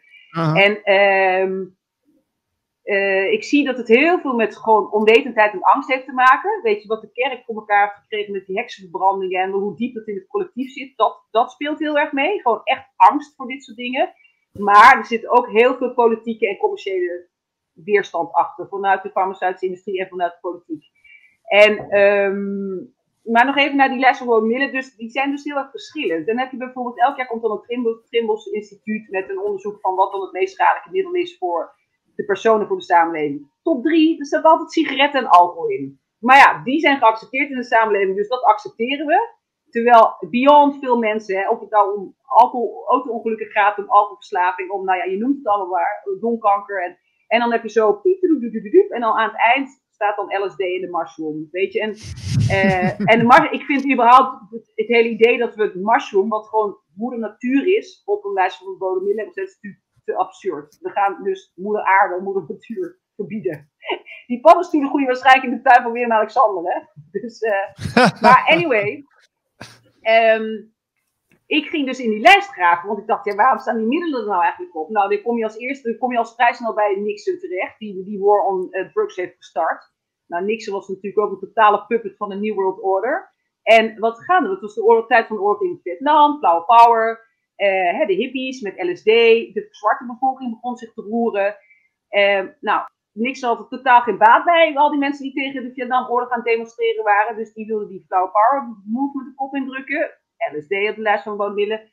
Nixon staat bekend als een racist. Dus die wou ook absoluut niet dat die zwarte bevolking uh, hun mond ging roeren. Dus uh, cannabis op de lijst van woonwillen. Ondertussen kwamen al zijn uh, oorlogsveteranen terug uit Vietnam, merendeel verslaafd aan heroïne. En daar werd niet naar omgekeken. Weet je, het is echt absurd hè, als je over deze dingen na gaat denken. En het zijn allemaal middelen om de bevolking dus weer te onderdrukken, te sturen, te monitoren. En um, in Nederland, dus ook leuk om te weten, want heel veel mensen gaan er dus vanuit dat die middelen op de lijst dat verboden zijn, omdat het wetenschappelijk bewezen is dat het al heel slecht voor ons is en een groot risico voor de volksgezondheid. Er waren psychiaters ongelooflijk goed werk aan doen met LSD. Het, helpt heel erg bij uh, posttraumatische stressstoornis, oorlogsslachtoffers. Uh, zijn echt, we moeten wel bij, overal bij zeggen, dit, verantwoord gebruik is extreem belangrijk. Ik ben niet een iemand die promoot, gooi het allemaal vrij, laat iedereen maar gebruiken. Ik zeg echt, dit moet in, uh, in deskundige handen gebeuren. Dus plantmedicijnen, dat doe je met shamanen en weet je, even vooropgesteld dat het echt verantwoord moet gebeuren. Um, maar LSD werd, daar was dus werd goede resultaten mee geboekt. Toen ging Beatrix trouwen met Klaus. En Klaus was een Duitser. En dat lag een beetje gevoelig na de oorlog. Dus dat vonden mensen niet leuk. Er was spanning in de samenleving. En het was in de tijd van de provo's. En de provo's houden van provoceren. Dus die hadden de grap de wereld in geholpen. LSD ging toen vaak, dat, dat kon je nemen in suikerklontjes. En als de grap de wereld in geholpen dat ze de bereden politie op de dag van de bruiloft LSD suikerklontjes zouden geven. nou, die grap is serieus die grap is serieus genomen. Toen is er in paniek in één nacht ijs, een beetje over één nacht ijs, zo snel recht uitgesproken, is LSD op de lijst van verboden middelen gezet. Als je dit soort feiten leert eh, achterhaalt, dan ga je dus echt van nadenken van, what the fuck, er zit geen enkel gedegen onderzoek aan vast. Het is een paniekreactie daarop geweest, dit is een politiek spelletje daarop geweest. Uh, ik ben een keer ergens tegengekomen dat Mitterrand, in de tijd dat hij, hè, de voormalige president van, van Frankrijk, in de tijd dat hij nog minister was, ayahuasca op de, uh, ook lijst van de gezet. En Mitterrand heeft belangen in de farmaceutische industrie. Dus als minister heeft hij dat toen al in werking gezet. En uiteindelijk als president heeft hij dat er doorheen weten te drukken. Overal gaat het om belangenverstrengelingen. En dan hebben we het natuurlijk nog niet eens over het feit dat dit geestverruimende middelen zijn. Waarin we in een hoger bewustzijn terechtkomen. Waarin we de wereld gaan zien voor wat die is. Waardoor we kritisch worden. En dat wil het establishment natuurlijk niet. Want dan gaan we een spelletjes doorkrijgen. Dus op allerlei verschillende lagen speelt dit. Onwetendheid is even een, uh, even een terzijde. In Amerika ligt nu uh, voor dat uh, magic mushrooms, dus paddo's, dat die gelegaliseerd worden. Ja, nee, dat, dat is wat ik dus zeg. Er is veel.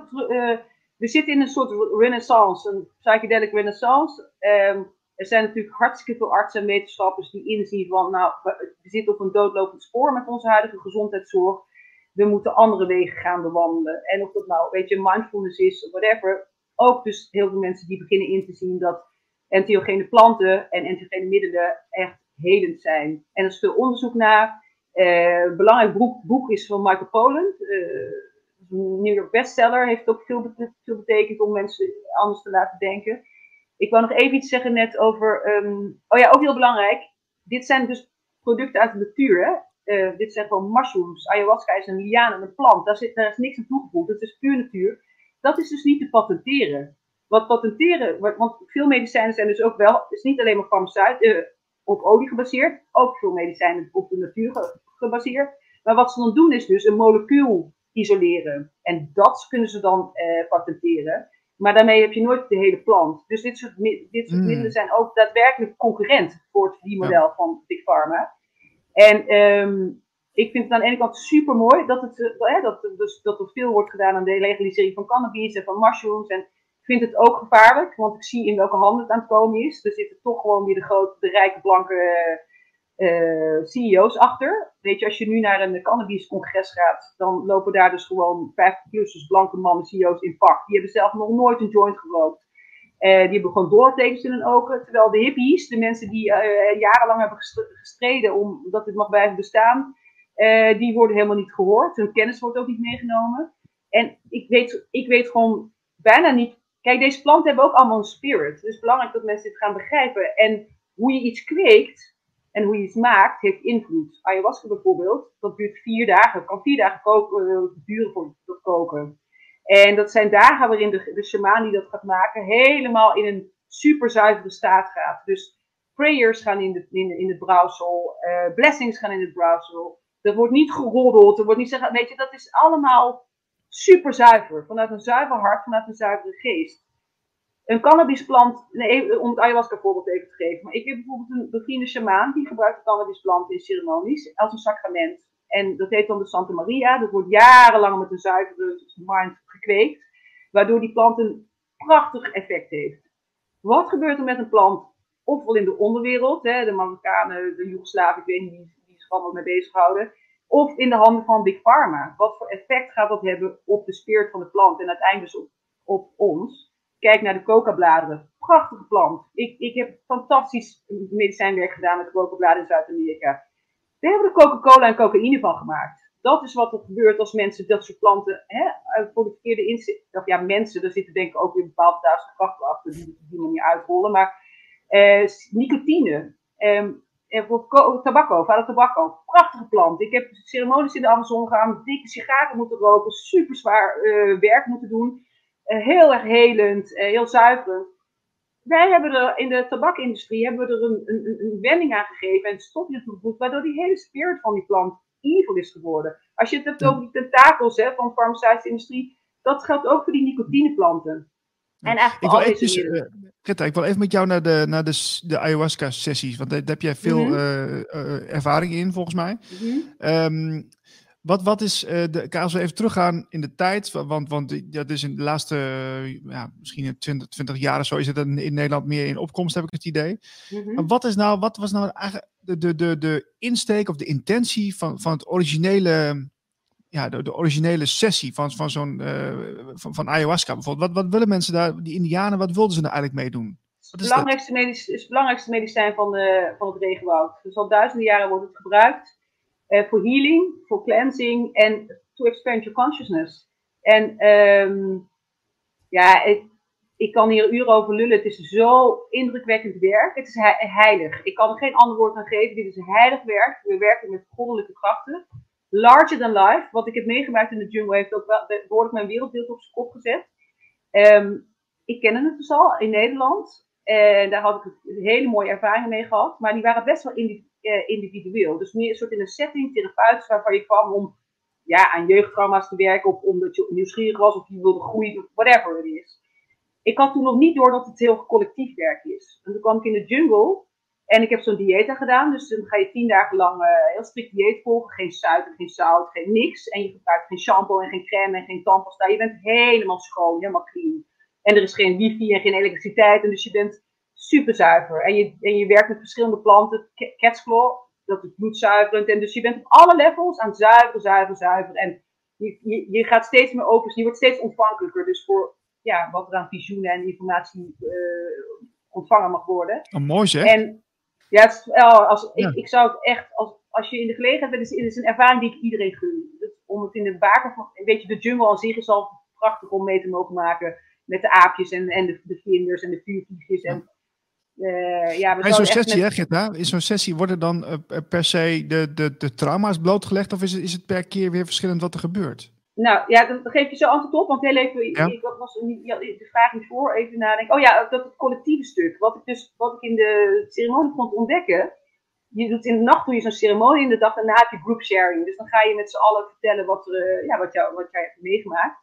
En ik had een super toffe groep. We waren met iets van 20 man en vanuit de hele wereld. Alle, alle continenten waren represent, behalve Afrika denk ik. En alle soort archetypes. Dus je had moeders, je had opa's, oma's, je had singles, je had dus het was een fantastische groep. Die al, al, was al leerzaam aan zich om in zo'n groep te zijn. Want je spiegelt elkaar, je leert van elkaar.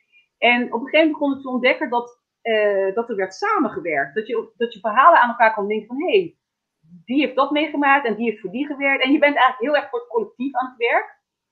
Um, kijk, het kan zijn dat je een jeugdtrauma hebt en dat je dat te verwerken hebt. Maar ik heb ook ceremonies dat ik voor het collectief aan het opruimen ben. Ik heb wel een ceremonie die de hele nacht Auschwitz uitloopt. We noemen het keurtje. Dus je geeft je ayahuasca zuiveren. En dat kan op allerlei manieren. Hè. Dat kan met gapen en met huilen. En dat kan door diarree. Maar dat kan dus ook heel erg met overgeven gaan. Ik heb een keer een hele nacht alleen maar liggen overgeven. En toen was ik gewoon alleen maar demonische Auschwitz shit aan het opruimen voor het collectief. Um, en dus... Um, om je, ja, het is... Ja, en, en ja en nee, want het is ook natuurlijk heel mooi dat we dit uh, mogen doen. Dat is wat we aan het doen zijn op dit moment. De aarde aan het Voelt, voelt het daarna ook uh, voor jou opgeruimd, uh, toen die keer ja, dat het overgeven? Ja, het is fantastisch. Dit is niet te ver, want heel veel mensen zeggen, oh, overgeven, ik hou niet van overgeven. Ik zeg, ja, maar dit is niet te vergelijken met wat je kent van een voedselvergiftiging of zo, of een kater. Dit is, dit is gewoon um, een exorcism, kun je het gewoon noemen. Gewoon blam, weet je wel. en, wow. en het is gewoon zo en maar het kan ook persoonlijk zijn. Het kunnen ook false belief systems zijn. Of, of uh, damaging gedachtenpatronen. Of uh, whatever het is wat jou blokkeert. Op, op welke laag dan ook. je hoort het gewoon uit. En dan is het gewoon geen issue meer. Het kan ook heel fysiek zijn. Hè? Als jij altijd verkeerde troep hebt gegeten. Uh, dan gooi je gewoon die troep uit je darmen. Die er al veel te lang zit. En dus eh, om jouw vraag te beantwoorden. Wat je krijgt. Dat is niet van tevoren te voorspellen. Dat is super persoonlijk. En elke keer anders. Maar je krijgt wat je nodig hebt. Dus wat op dat moment het belangrijkste is. Want iedereen heeft natuurlijk verschillende dagen waarop van alles is op te ruimen of te helen of whatever. Um, ja, en dat is zo ontzettend persoonlijk. En dat kan soms fantastisch zijn, weet je, dat je gewoon een, een eenheidservaring mag hebben met moeder natuur en met het goddelijke. En op een ander moment ben je dus inderdaad, wat ik zeg, horrible collectieve trauma's aan het opruimen. En op andere momenten, het is zo verschillend. En um, het kan ook echt heel zwaar zijn. Uh, je hebt bijvoorbeeld een ayahuasca-kerk, de Santa Daime-kerk, die, noemen, die zeggen, die spreken niet over hun mis, die, zeggen, die hebben het over het werk. Dus we gaan op zondag naar het werk, want je gaat gewoon werken. En um, kijk, mensen, heel veel mensen, vooral Nederlanders, die hebben er nogal een handje van, die zijn best verwend en best veel eisend. En uh, die, die, die, gaan het liefst natuurlijk naar een wellness retreat, hè? dat je lekker een massage krijgt lekker eten. En een sauna, tuurlijk, ja. Een saunaatje erbij. Weet je wel. En, uh, maar dan zeg je, ja, je, komt, je bent wel om te werken. Wat denk je dan dat inner work doen betekent? Dat is niet mm. dat is werk doen. Ja, dus, zeker. Um, zeker. Ja. Maar ik wil nog even terug naar die ervaring dus in de jungle. Wat, wat, wat ja. over vertellen met wat voor enorme krachten we aan het werk zijn. En waar ik ook dus heel veel vertrouwen heb in wat er gaande is in de wereld. Want het is so much bigger dan dat wij snappen en weten en zien. Um, dus tien dagen lang zit er een soort opbouw in, dat dieta. En de laatste nou, en ik begon dus dat collectieve te zien. Zelf, er was één keer een gesprek waarvan één jongen zei van, nou, ik was een soort hele grote snavel van een adelaar. En het meisje naast het vertelde, ja, ik had hele grote adelaarsvleugels. En degene daarna zei, ja, ik had een vogellijf. En dat je gewoon snapt, wauw, die hebben met z'n drieën hebben die gewoon een eagle, beschermende egel, uh, adelaar om de ceremonie gelegd. En op een gegeven moment begon ik ook momenten te hebben dat ik aan het keurtje was dat ik snapte, hè, maar dat is niet voor mij. Ik ben voor mijn buurman aan het werk, weet je. Dus je gaat, we, zijn, we, zijn, we zijn elkaar aan het helpen. Dus dat werd steeds duidelijker. Ik begon maar dat, bes, dat besefte jij dus op een gegeven moment, dat, dat het niet van jou was, maar dat was van, van iemand anders, de, de rotzooi, zeg maar. En andere mensen, waren, andere mensen waren, en ik begon, dat was ook eigenlijk voor het eerst dat ik echt shamanen begon te begrijpen, dat zij daar iets heel groots staan te coördineren. En ik kom dus uit de dancewereld, wat ik al zei. Ik heb veel op nachtleven staan, festivals. Ik heb veel vrienden die DJ's zijn. Ik begon de vergelijking te zien. Ik dacht, oh my god, wat zijn we in de danswereld met elkaar aan het doen? Want zo'n DJ, zo'n DJ die staat eigenlijk ook als een shamaan groepsenergie te sturen. Maar een heel groot deel van DJ's staan gewoon doorgesnopen van de kook, dronken, met weet ik veel welke bewegingen, of wel geld verdienen, of eh, seks, drugs, whatever. Het is niet handig wat we aan het doen zijn. Dit is niet hoe we de energie kunnen sturen. Dus ik heb, dat is een heel pad uit, daar is heel veel uit ontstaan. Het is ook zo opkomen, maar we kunnen echt heel erg veel gaan doen met muziek als we dat vanuit een shamanistische insteek gaan doen. Maar de laatste nacht wat gebeurde, um, we moesten in de cirkel gaan staan. En uh, twee shamanen, één was in het midden een soort hangdrum aan het spelen. En één shamaan begon tegen ons te praten. We kregen een hele grote inleiding. En um, de energie werd heel erg heftig. En de ene en de ander viel flauw. Ik ook. Gewoon, ging gewoon, werd, mijn zutsen. Je moet er rechtop staan, je moet vasthouden. Weet je, dat was echt hard werk.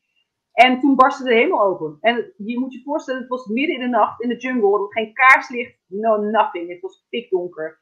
De hemel barstte open. Er kwam een enorme prachtige bundel van licht naar de aarde. En wij stonden er middenin. En toen wist ik van, oh, dus al die artikelen online en al, eh, weet je, dit, dit, dit, soort boekjes die ik toen al aan het lezen was over, oh, wacht, ik laat zo een boek. Heb je één seconde? Ja, ja, zeker. Ja, ja, ja.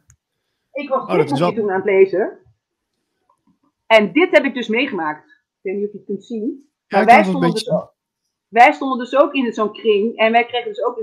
Dus ik, had, ik wist dit soort informatie allemaal wel. Maar ik heb het uiteindelijk zelf ervaren. Waardoor ik gewoon weet van. Oh, dus die verhalen over Aquarius-energie. En it's happening. En ik, heb, en ik snap toen ook van. Wow, oké, wat de shamanen hier aan het coördineren is. Is so much bigger. En dit is echt niet voor iedereen weggelegd. En, en, nou ja, en toen vanaf dat moment heb ik, is het gewoon een heel pad voor mij zich ontvouwen. Ik was trouwens ook met een one-way ticket naar Zuid-Amerika gegaan. Ik had al verteld dus dat ik op dat moment de beslissing had genomen van ik ga eh, mijn leven in het teken zetten voor de greater good of all. Uh, Oké, maar uh, Gitta, even, even een dingetje. Want uh, je, je, je, zegt van uh, wat, wat, voor grotere machten er aan het werk zijn, of die krachten die aan het werk zijn, die, die door ons heen gaan. Maar wat, wat, wat, wat, wat is dat dan precies? Kun, kun je dat een beetje uitleggen? Um, nou ja, eh, ik denk uiteindelijk de grootste strijd is goed en kwaad. Dat we met goddelijke krachten te maken hebben en met uh, satanische krachten of demonische krachten, hoe dat wil zeggen. Um, dus dat, dat zou mijn grootste antwoord zijn. En, dit is lichtwerk, weet je. Ayahuasca is, is lichtwerk. En wel heel heftig. Je kunt dus volledig met je, schaduw, je schaduwwerk geconfronteerd worden. Maar dat is lichtwerk doen ik, daar, zit, daar zie ik veel misverstanden nog over in de spirituele community. Dat mensen echt denken van, oh, spiritualiteit is love and light en rainbows en een beetje unicorns. Echt spiritueel werk doen en echt lichtwerk doen is juist de schaduw aangaan. Je schaduwkanten en je lelijke kanten, daar, zit, daar is het werk te doen. En dat is lelijk, weet je wel. Dat is heftig. En ook, ook je eigen kant en de kwaadaardigheid van wat je tegen kunt komen. Um, dus kort gezegd is, dat wat ik zie. Het, strijd is goed en kwaad. Uh, maar het is wel een gekke mix van uh, kwaadaardig, dus het satanische, met extraterrestrial er doorheen. En dan een artificial intelligence bewustzijnsveld. Die drie dingen samen is behoorlijk pittig. Wat we, wat een, ik, ik, ben gisteravond, uh, ik, ben, gisteravond ben ik naar een uh, presentatie geweest van, uh, hoe heet ik weer, die, die, die Belgische psycholoog, de Smet. Ik ben even zijn naam oh, kwijt Matthias, hoor. Matthias, Matthias de Smet. Ja? Ja, Matthias Smet. En daar ben ik naartoe geweest en hij vertelde iets moois. Hij zei van, als, als nou die pandemie en, en al die ellende niet was geweest, hè, dan, dan had je toch nog hele grote groepen mensen gehad die gewoon lekker met een zak chips op de bank hingen en met een biertje erbij en ja. niks aan de hand. Ja, Weet je, dus, dus ergens, dus, dus in hoeverre, dat was mijn vraag, in hoeverre mo moeten we duister dan dankbaar zijn? Ja, nee, en ik kom terug op jouw vraag van wanneer is mijn spiritual awakening begonnen? Uh, ja, zat ik dus al. Ik heb veel al de nieuwe aarde mogen zien en proeven. En ik was dus al door die lijst van verboden middelen uh, behoorlijk achter aan het komen van wow, oké, okay, dit is, er zijn hele andere agenda's aan de hand. Dus ik was in de boeken van David Icke zal ik ook al wel voorbij zien komen. Dus ik was al wel behoorlijk bewust van een hoop dingen. Maar ik ga Hugo de Jonge bedanken. Want Hugo is Ik wil niet, ja, dat is een beetje zo een van de meest kwaadaardige mannen die we op dit moment uh, hebben. Maar ik heb wel dankzij Hugo echt mijn awakening meegemaakt. Dus ik ben hem toch ook dankbaar. Want hij kwam op tv. Ik, had mij helemaal niet, ik hield me helemaal niet met politiek bezig uh, voor corona. Ik had nog nooit van Hugo de Jong gehoord. Ik zag alleen Bruno Bruins onderuit gaan. En ja. die bleek achteraf, uh, dat wordt dan gezegd een burn-out, maar achteraf bleek door, door dus pressure van de farmaceutische industrie te zijn. En wie stapt daarin? Hugo de Jonge. En Hugo de Jonge die zegt, we zijn pas veilig als er een vaccin is. Dat moment is er bij mij iets, in mij iets wakker geworden. Ik werd gewoon bijna helderziend, kun je het denk ik wel noemen. Mijn eh, nekhaar ging er overeind zei, ik dacht, dit klopt voor geen ene meter. Uh, dit is totale indoctrinatie. Deze man is totaal. Ik weet niet wat daar in hem zit of wie dit is, maar dit is super foute boel. En vanaf dat moment kon ik basically overal doorheen kijken. En ben ik, ben ik gaan gapen en ben ik gaan kijken. En, dus ik ben ook wel heel dankbaar. Het is, deze hele pandemie is voor vele mensen een gigantische katalysator. Net als ja, zeker. Nou, kijk, als ik dus, naar Hugo uh, de Jonge kijk, ik ben, ik ben, ik ben even benieuwd naar, de, naar Marlijn's uh, visie, maar als ik naar Hugo de Jonge kijk, wat, hè, hoe hij de afgelopen twee jaar dat zo heeft, uh, ja, heeft aangezwengeld, die hele, die hele ja, campagne zou, zou ik het maar noemen. Um, dat, ik, zie, ik, zie, ik zie hem gewoon, die, die man die wordt gewoon gigantisch gebruikt. Ik denk, ik denk ik kan me niet voorstellen dat hij, dat, hij, uh, dat hij altijd al zo was. Ik denk dat het gewoon iets is wat hem even overgenomen heeft of, of geeft een naam. En wa ja. waardoor hij echt zo in een soort militante stand is gaan staan en, en, en zo zijn, die agenda is doorgedrukt. Ik geloof niet dat die Hugo de Jonge van daarvoor uh, dit echt zou, echt, dit echt wil. Er, er, is iets gebeurd. Maar goed, dat is mijn persoonlijke visie. Ik kan het niet onderbouwen, ik kan het niet hard maken, maar dat is, dat is eventjes even wat ik er ingooi. Maar hoe zie jij dat, Marlijn? Uh, ik denk dat het met Hugo net zoals met, uh, met Mark en met al die anderen gaat. Ja, die denken aan hun eigen carrière. En die, en die worden een soort van gehijacked, die worden gemanipuleerd in, in die ambitie. Dus die, die denken van uh, als ik het gewoon maar goed doe en gewoon goed uitvoer wat me wordt verteld, dan, ja, dan doe ik het goed. En dan, maar je, ziet geen, geen infiltratie van, van iets duisters, iets demonisch of iets in die trant. Um, ja, ik zie, het ik zie het toch meer als een soort. Uh, ja, dat kan wel. Dat kan wel, dat dat hetgeen is wat hem uh, manipuleert. Maar je manipuleert altijd op het niveau van het ego, volgens mij. Dus dan heb je gewoon. Uh, je bent kwetsbaar als je, in je vanuit je ego leeft.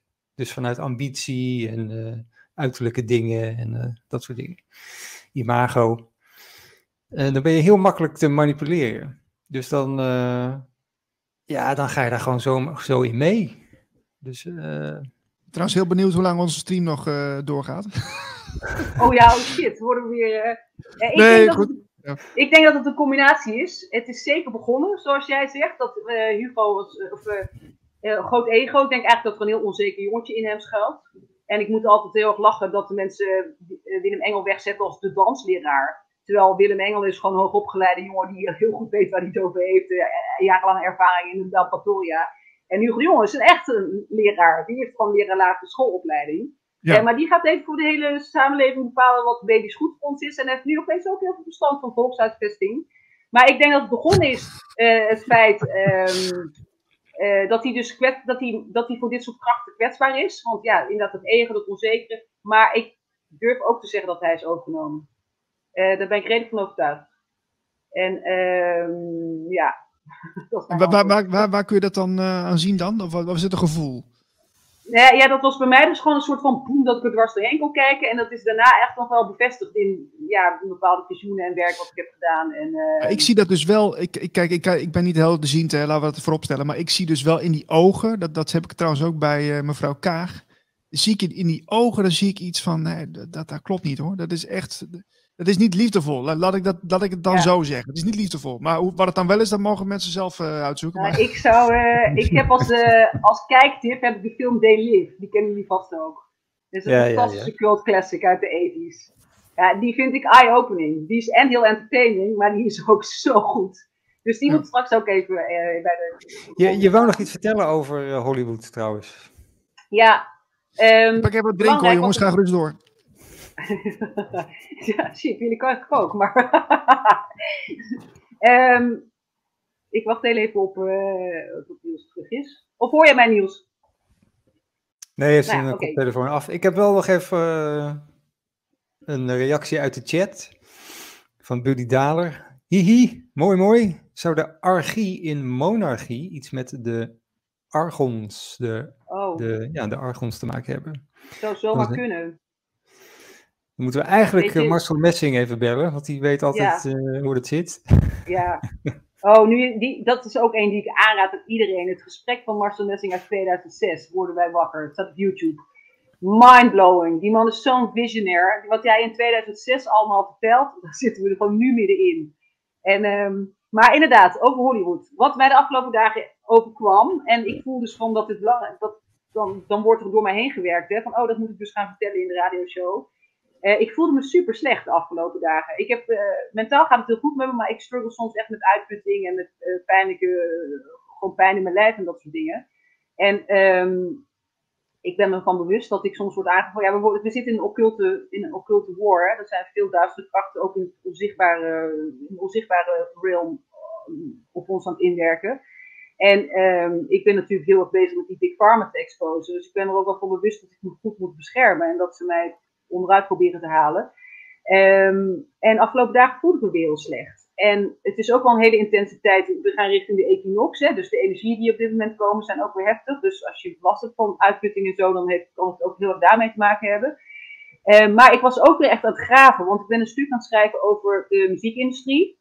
Ik heb een paar hele duidelijke uh, interessegebieden. Dat is gezondheidszorg, dat is muziek, dat zijn de plantmedicijnen. Het hangt allemaal een beetje met elkaar samen.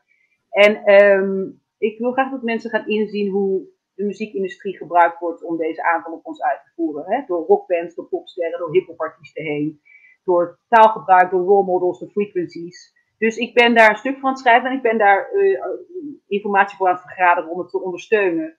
Dus ik was de film American Satan gingen kijken. En dat is een film over een uh, rockband die... Uh, waar ja, Satan werkt gewoon door die rockband heen. Middels drugs, weet je wel. En middels rituelen. En Um, nee, wacht. Het begon smiddag. Ik voelde me slecht. Ik ging smiddags naar een gesprek luisteren tussen. Dit is namelijk ook een aanrader.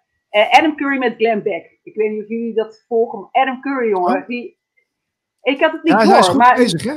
Zo, maar hij was altijd al dus goed bezig. Maar dat heb ik gewoon totaal langs meegegaan. Want ik was nog in slaap. Maar die had toen in zijn tijd van, uh, bij, bij Arrow Rock zat. Hoe weet dat? Classic Arrow Rock. Had hij ook al een item met heel veel... Uh, waarin hij de waarheid naar buiten bracht. En op een dag heeft hij toen Micha Kat uitgenodigd om over Demming te praten. En niet voor later was zijn show afgelopen. nou, ja, maar hij, die show is toen, uh, die show is toen, uh, stopgezet, hè? Want hij mocht niet ja, verder Eric Classic. Omdat hij over hele enge dingen praat. maar Adam Curry, maar, maar dit gesprek ga ik straks ook even doorgeven. Want Adam Curry gesprek met Glenn Beck. Mega tof gesprek. Gaat over dus inderdaad uh, hoe, hoe Oekraïne nu ook. Ja, dat wordt natuurlijk de volgende stap in de Great Reset. Het monetaire stelsel wat er aan de achterkant allemaal aan het gebeuren is.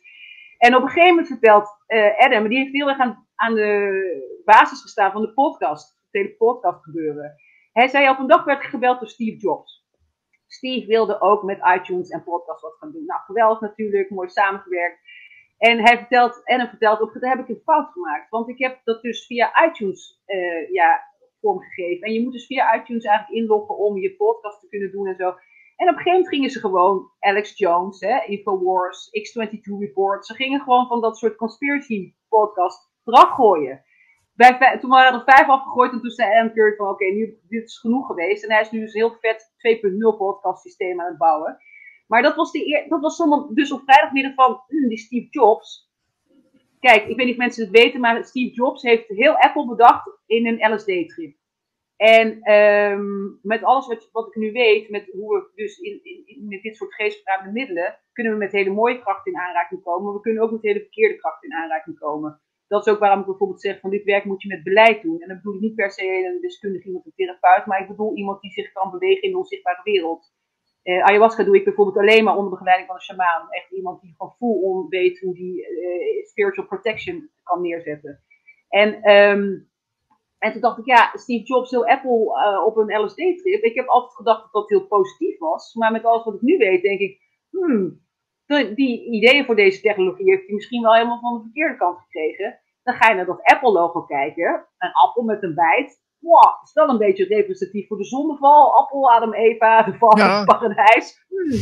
Oké, dit was vrijdagmiddag. Daarna ga ik American Satan. Daarna ga ik American Satan kijken. En dan komt een scène in voor dat Satan, want die laat zich in die film zien, en die zegt: Weet je wat de, eerste, wat de verkoopprijs van de eerste Apple computer was? 666 dollar. 666,66 dollar. Dus dan kun je nog een soort van discussiëren. Ja, dat is echt waar. Jeetje. En die Wozniak, die heeft gezegd van ja, ik hou van digital cijfers. Ik denk, hmm. En dat logo, er wordt van gezegd, ja, die hap is eruit, want anders leek het weer op een kerst. Maar ik denk echt, hmm. Maar nu wordt het Tuurlijk, nog- ja. Ja, maar nu wordt het nog crazier. Ik stuur deze, ik stuur deze informatie door op vrijdagavond naar een vriend. Ik zeg, joh, wist jij wat de, ver- de verkoopprijs van de eerste Apple computer is? Oh nee, belangrijk om te weten is, ik heb een, ik heb een iPhone. En ik heb, ik heb niks van Apple. Ik heb altijd een beetje afkeer gehad van Apple. eh, somehow. Maar ik heb een iPhone gekregen vorig jaar toen mijn eigen telefoon kapot was. En ik zat krap bij kast. Dus ik kreeg van mijn, van mijn zwager die iPhone. Dus sindsdien heb ik een iPhone. Waar ik niet echt blij mee ben. Een half jaar geleden kwam ik in contact met eh, Erik van der Horst. Die is van de eh, Keuringdienst van Waarheid. Hij is ook degene die dat filmpje van Matthias Raad heeft gepost. En die heeft een Big Tech vrije telefoonwebsite. Dus als je Big Tech vrij wil, dat is een betrouwbare partij. Dit doet bij Big Tech of zo. Ik straks ook even doorgeven. Sindsdien loop ik al in mijn hoofd van ik wil Big Tech vrij gaan. Ik moet een Big Tech vrije telefoon, want ik heb hier allemaal helemaal geen goed gevoel over. Waarschijnlijk worden we ook aan alle kanten, waarschijnlijk, we worden natuurlijk aan alle kanten afgeluisterd. Weet je, ik ben afgelopen zomer ben ik bij op één aan tafel gegaan, heb ik zitten vertellen over de machtsgreep waar we in zitten. Dus sindsdien denk ik sowieso al van, hmm, waarschijnlijk moet ik een beetje oppassen met dat het wordt afgeluisterd of zo. Know. Trouwens, even, even Anyway. een hele, hele bekende uitspraak denken. Moet, ik- moet ik even doorheen gooien hoor. Want eh, je hebt het over Apple, je hebt het over de farmaceutische industrie. En dan moet ik aan een hele flauwe uitspraak denken die ik laatst hoorde. Die zei, an apple a day keeps the doctor away. Keep the doctor away, ja. En de poor apple is a de poor doctor is a dangerous doctor. Eigenlijk zou een dokter helemaal niet in een kapitalistisch systeem moeten functioneren. We zouden de dokter net als hè, de shamaan en de priester en de, leerkracht, die moeten helemaal niet kapitalistisch denken. Want dan gaan ze allemaal verkeerde dingen, dat kunnen ze verkeerde dingen doen als ze niet integer zijn. Maar anyway, ehm, dus ik stuur dat door naar een, dus ik heb al in mijn hoofd van ik wil Apple vrij. Ik wil dat Big Tech vrij gebeuren hebben. En ehm, ik stuur dat door naar een vriend van, joh, moet je kijken, die, die verkoopprijs van de eerste Apple computer. Eén minuut later open ik een ander document, dat iemand nou doorgestuurd, de Maya-voorspelling voor 2022. En ik ga dat lezen en die vrouw die dat document heeft geschreven, begint over de prijs van de eerste Apple computer te praten. Dus Wow. binnen vijf minuten, ik wist niks en binnen vijf minuten heb ik van twee totaal verschillende ingangen heb ik dus dit te zien gekregen. De volgende dag ehm, stuurt een andere vriendin van mij een filmpje door over eh, een, een stelletje wat met een infrarode camera de Apple phone zit te fotograferen. Elke vijf minuten, dat zal ik ook niet doorsturen, elke vijf minuten wordt er van ons een foto gemaakt. Ja, dat Waar staat laten al nog wel lezen, ja. fucking Oh, ja. scary. En ik voel me dus de hele tijd heel slecht. Hè? Ik ben uitgeput en moe. En ik zit ook te en, en vervolgens, en dit is echt geniaal, ik moet even haar naam erbij hebben. Oh ja, Barbara Mars Marciniak. Zij heeft cha Oh ja, zij channelt de Ken ik. ja, Ja, zij, ja. zij channelt de Play- Pleiadians. Zij heeft fantastische channelings online staan. Die zijn uit 2013, uit 2016, 2018. En alles wat zij vertelt is nu uit aan het komen. Ik Zij heeft ook de eerste boeken daarover geschreven, hè? Dat is zij toch? Die zei, Fantastisch. Als Ja. er nog mensen twijfelen aan het bestaan van extraterrestrials, als er mensen twijfelen aan het bestaan van de Pleiadians, ik zou zeggen, ga deze, ga deze channel eens luisteren. Ja, ja, hier. Want wat daarin wordt verteld is zo mindblowing en zo spot on, daar kun je gewoon niet meer omheen dat dit echt is. Maar zij gaat vertellen over dus het gevaar van, kijk, ik denk dat we allemaal, iedereen die een beetje kritisch nadenkt over de samenleving, ziet natuurlijk al heel lang dat die telefoons geen goede invloed op ons hebben. Die kindertjes, die zijn helemaal soort Weet je, ik moet wel eens aan Lord of the Rings denken. Van de, de, de mobiele telefoon is de nieuwe ring. Je ziet die kindjes gewoon zo naar dat schermpje ge- ge- gezogen worden. En ze zitten hele TikTok-dansjes te doen en zo. En eh, waar, kijk, maar ik denk niet dat we daar een hele intelligente generatie kinderen van mee opvoeden, zeg maar. Ze zijn heel narcistisch allemaal. En al. Heel zwart-wit, hè. Want er is ook een leuke kant en ook een nuttige kant. Maar ik ben nu even heel zwart-wit. Ik zie gewoon dat het geen goede impact heeft op die kinderen. Die zitten, ga lekker buiten spelen. Ga bomen klimmen. Ga, dus ik ben al best wel vaak zo aan het nadenken van. En ik denk dat de machtsgreep ook via de telefoon uit, doorgevoerd gaat worden. Dat zie je al aan de QR-code. Weet je wel. Maar toch even iets op, op zeggen hoor, op die technologie. Want eh, daar heeft eh, Matthias de Smet gisteravond ook een leuke verdieping in gegeven.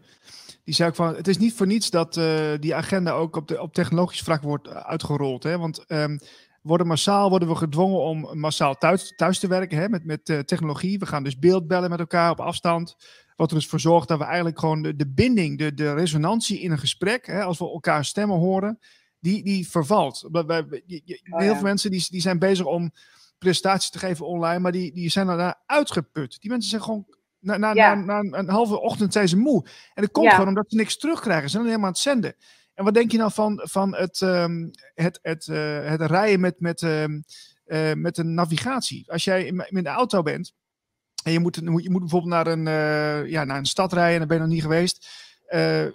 Kijk, als je, als je dat vaker doet, dan op een gegeven moment krijg je binding met de omgeving. Dan, dan hoef je niet uh, te kijken van, oh, ik moet hier over 500 meter rechtsaf. Nee, dat weet je. Je weet dat dat huis en dat, die, die, die molen en, en die, die, die, die, dat grasveld, dat weet je, want dat ligt erachter.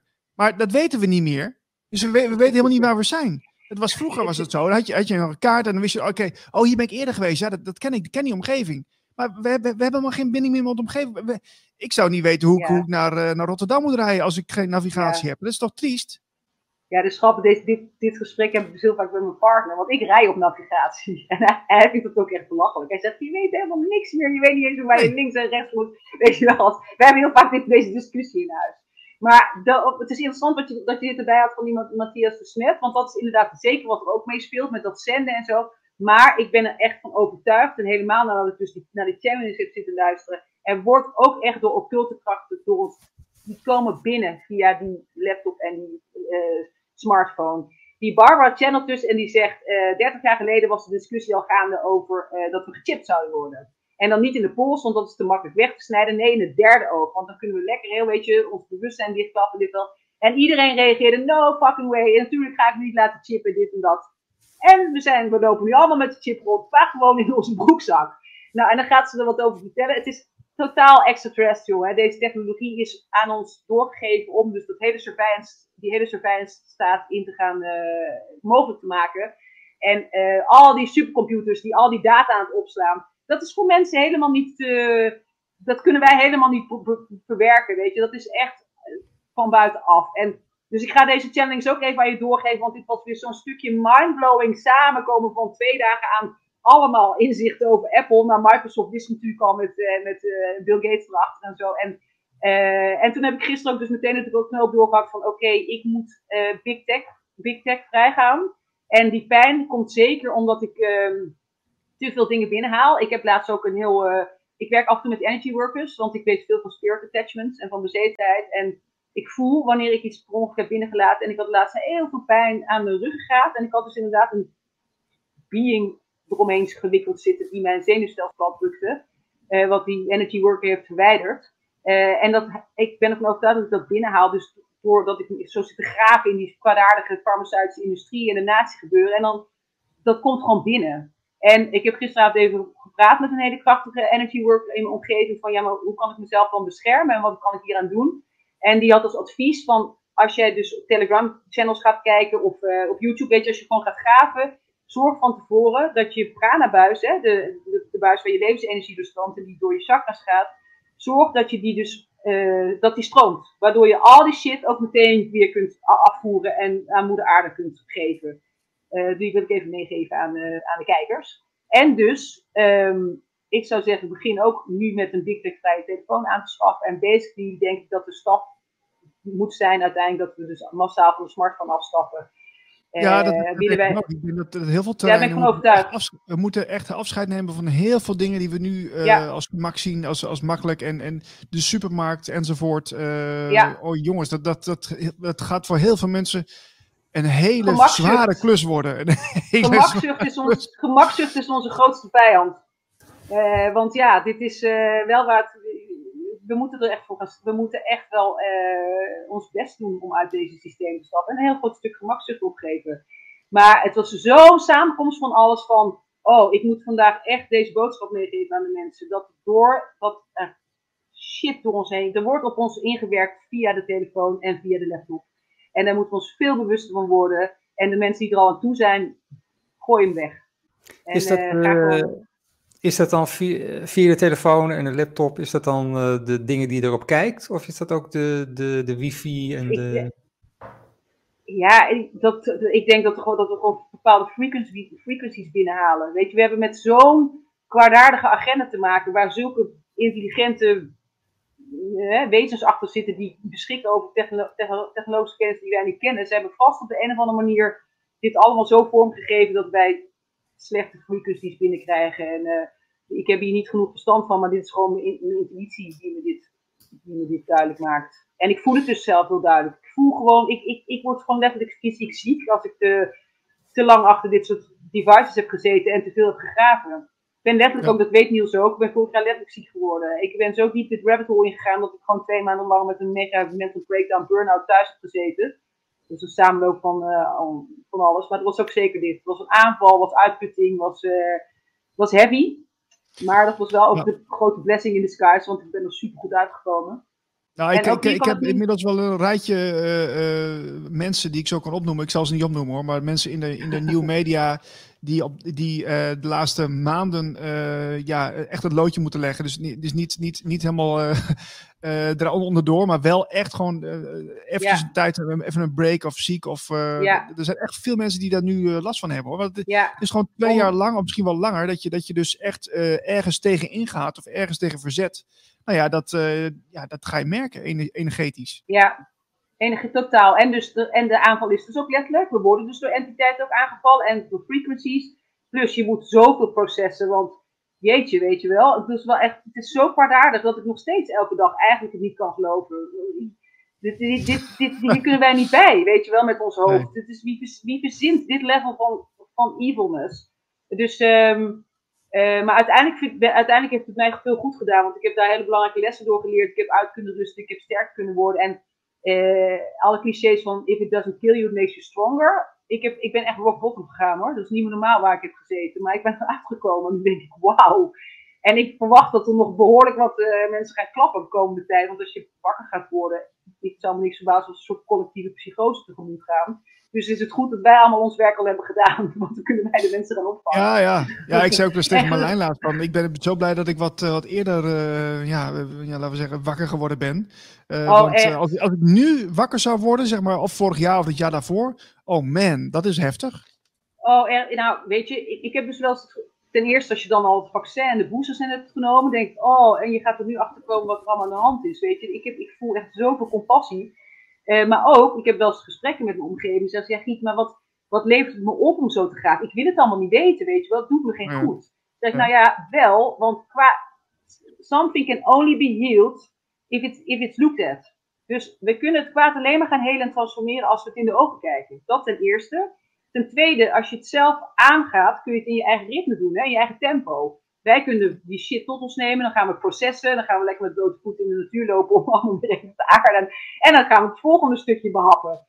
Mensen straks krijgen gewoon zoveel, alle schandalen, alle shit gaat naar de oppervlakte komen. Die krijgen dat gewoon in één keer over zich heen. Ja, weet je, dat, die wil echt niet in die schoenen staan. Ik denk echt, doe het in je eigen tempo, ga het aan, weet je wel. En, uh, want uiteindelijk word je er beter van.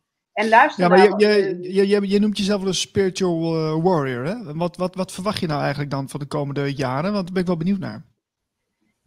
Um, nou, ik vind het, het is een mix, dus, want we zitten nu heel erg te praten over de kwaadaardige kant en de agenda. Maar ik ben ook heel erg, net als jij of net als jullie, flink aan het focussen op uh, het manifesteren van de nieuwe aarde. Uh, ik, toevallig dit weekend eigenlijk een soort dilemma de knoop doorgehakt. Ik al anderhalf jaar denk ik van ja, ik moet me toch wel ergens gaan voorbereiden. Hè? Straks als er misschien een hongersnood komt of een cyberattacks of uh, is wel slim als ik misschien wat eten in huis heb en wat batterijen of kaarsen, drinkwater, whatever. Maar dan zit ik de hele tijd met dat dilemma van energy, energy flows where attention goes. Weet je, gas geeft gas goed waar het water geeft. Dus als ik allemaal doemscenario's ga inzetten en allemaal voorraden ga aanslaan, ben ik dan niet die doemscenario's mee aan het vormgeven. En gisteren, ik ben naar de thuiscentrum gegaan en ik heb zaadjes gekocht en zo. Opeens dacht ik, ja, ik heb je doet natuurlijk niks verkeerd aan om gewoon een hele stapel zaadjes in huis te halen. Van broccoli en bloemkool en weet ik veel. Wat gewoon goed blijft tot 2024, 2025. Uh, en dan ga ik gewoon tuinieren, want ja, we zijn natuurlijk ook allemaal best wel bewust aan het worden van self-sustainability is belangrijk. Dat we, uit, dat we vanuit weg van de afhankelijkheid van de grote bedrijven. Dus een eigen moestuintje, een eigen dit en dat. En opeens dacht ik, ja, hiermee is twee vliegen in één klap. Eh, één klap. ik ben wel die voor, ja, ik ben toch wel bezig met uh, voorbereidingen treffen voor als er doemscenario's komen. Maar zelf groente gaan verbouwen is natuurlijk ook totaal een nieuwe aarde vormgeven. Nou. Absoluut, absoluut. Ik, ik hoor het dus heel veel mensen doen nou tegenwoordig. Ja, echt heel veel. Ja, maar dus, dus ook dat de beweegredenen niet puur angst zijn of uh, doemscenario's, maar ook gewoon echt, maar dit is wat ons te doen staat. Gewoon weer snappen, weer verbinden met moeder aarde en weer eigen puur natuurdingen gaan. Dus uh, ja, de komende jaren, om jouw vraag te beantwoorden, to be honest, ik heb echt geen idee. Ik verwacht chaos, want ik zou niet weten hoe de systemen om kunnen vallen zonder dat er chaos komt. Uh, weet je, de banken, het gezondheidszorg, het onderwijs, het gaat allemaal klappen. En dan kunnen we de grond om, omploegen en dan kunnen we vanuit het schoon iets nieuws gaan bouwen. Dat kan niet. Ik zie niet in hoe het zonder chaos kan. Uh, ik hou ook wel echt mijn hart vast dat we misschien wel met heel veel doden te maken gaan krijgen. Uh, of het nou vaccinschade is of hongersnood. Of weet je, als je nu gaat nadenken, oké, okay, Oekraïne is de graanschuur van Europa, van Afrika. wat betekent dat voor de Afrikaanse bevolking? Ja, als je zo gaat nadenken, dan, dan staan we denk ik de beginnigheid in het vooruitzicht. Maar ook heel veel moois. Ik, ik ben dus sinds ik in mijn mental breakdown heb gezeten helemaal uit de angst. Ik ben er echt joyful uitgekomen, dankbaar. I'm really enjoying this time. Ik vind het geweldig om met andere wakkere mensen te verbinden. We zijn allemaal op onze eigen manier met geweldige initiatieven bezig. Er komt super veel interessante informatie. Of het nou met bed zijn van Nicolas Tesla voor Energy of weet je wel. Het is mind-blowing wat er allemaal boven water komt. Ik denk dat er ook heel veel extraterrestrials aan de goede kant staan en klaar om uh, allemaal interessante informatie met ons te delen. Het Christusbewustzijn is wakker aan het worden, of conscious, consciousness, eenheidsbewustzijn, whatever you want to call it. Ik zie het. Het vuur gaat aan in de harten van de mensen. Um, ja, dus ik vind het ook een, een super toffe tijd. En um, ik denk van de grootste uit. Je, je zei net ook, uh, Gitta, dat je ook een glimp had uh, al opgevangen van die nieuwe wereld, hoe die er ja. dan uiteindelijk uh, ja. uitziet. Pure harmonie. Dus pure harmonie. We gaan weer, dat is gewoon helemaal in de ritme van de natuur. Dat we gewoon, weet je, dat we het graan zien groeien en bewegen. En dat alles, dat alles weer gewoon harmonieus loopt. Dat we plezier hebben in wat we doen. Dat we, het is, het is prachtig. Het, is, ja, het woord harmonie zou ik erop loslaten. En dat het allemaal helemaal in harmonie is en dat mensen uh, harmonieus zijn. Dus peaceful en liefdevol. En integriteit is natuurlijk het grote woord waar het om gaat. Oh, een soort vakantie, uh, vakantiegevoel, zeg maar? Uh, als jij een hele harmonieuze vakanties hebt, er zijn genoeg mensen die even maar dat is wel even een leuk ding. ik vind het wel een mooie manier om het, om het enigszins te vergelijken. Want we, we, heel veel mensen die rennen altijd van vakantie naar vakantie. Want dan is het, dan is het fijn. Hè? Je kunt tussendoor niet genieten alleen op de vakantie. Dan, dan mag het. Maar als, je, als mensen op vakantie zijn, dan is er zo'n gevoel van... Oh, weet je, oh, ja, nu, nu, oh, nu kan ik helemaal ja. ontspannen. En nu, nu mag ik even nergens aan denken. Lekker in de zon. En oh man, genieten. En dan, dan ga je ook in een automatisch rustiger tempo ga je natuurlijk leven. Dus in die zin klopt het wel een beetje. Ja, maar vakantie is ook wel echt niks doen. Niet creatief, niet productief. Terwijl de nieuwe aarde is dat we echt aan het creëren zijn. Weet je, we stappen helemaal uit het consumi consum consumisme, consumerism. Ja. En we gaan echt weer creëren. En we gaan weer dingen maken. En, uh, en daar hebben we echt plezier in. Hè? We gaan scheppen. En dus dat vind ik, dat vind ik wel echt anders dan vakantie. En uh, ik weet niet of je dit weet, maar vakantie is ook een van de grote relatiebreuken. Uh, weet je, je hebt er zijn een paar van die dingen waar relaties op stuk lopen. Je hebt savers en spenders, dat gaat moeilijk samen. Avondmensen en ochtendmensen. Vakantie kan ook een dealbreaker zijn, want je hebt mensen die actieve, actieve dingen willen doen en mensen die willen op het strand liggen. Daar gaan heel veel relaties op stuk. En, en heel, heel, veel mensen worden ziek. Die, die hebben dan vakantie en ja. dan worden ziek. Dat is toch een cliché van ook mensen die met pensioen gaan. Nou, hebben zo hard gewerkt en altijd alles geblokt en dan boem, opeens, uh, want dan is er opeens ruimte dat dat eruit mag komen. En, ja. uh, maar nee, ja, de nieuwe aarde is, is harmonie. En uh, op de, op, op, gewoon tof. Weet je, alles, alles wat ons nu in de weg zit, grenzen. Of het nou blank, zwart, rijk, arm.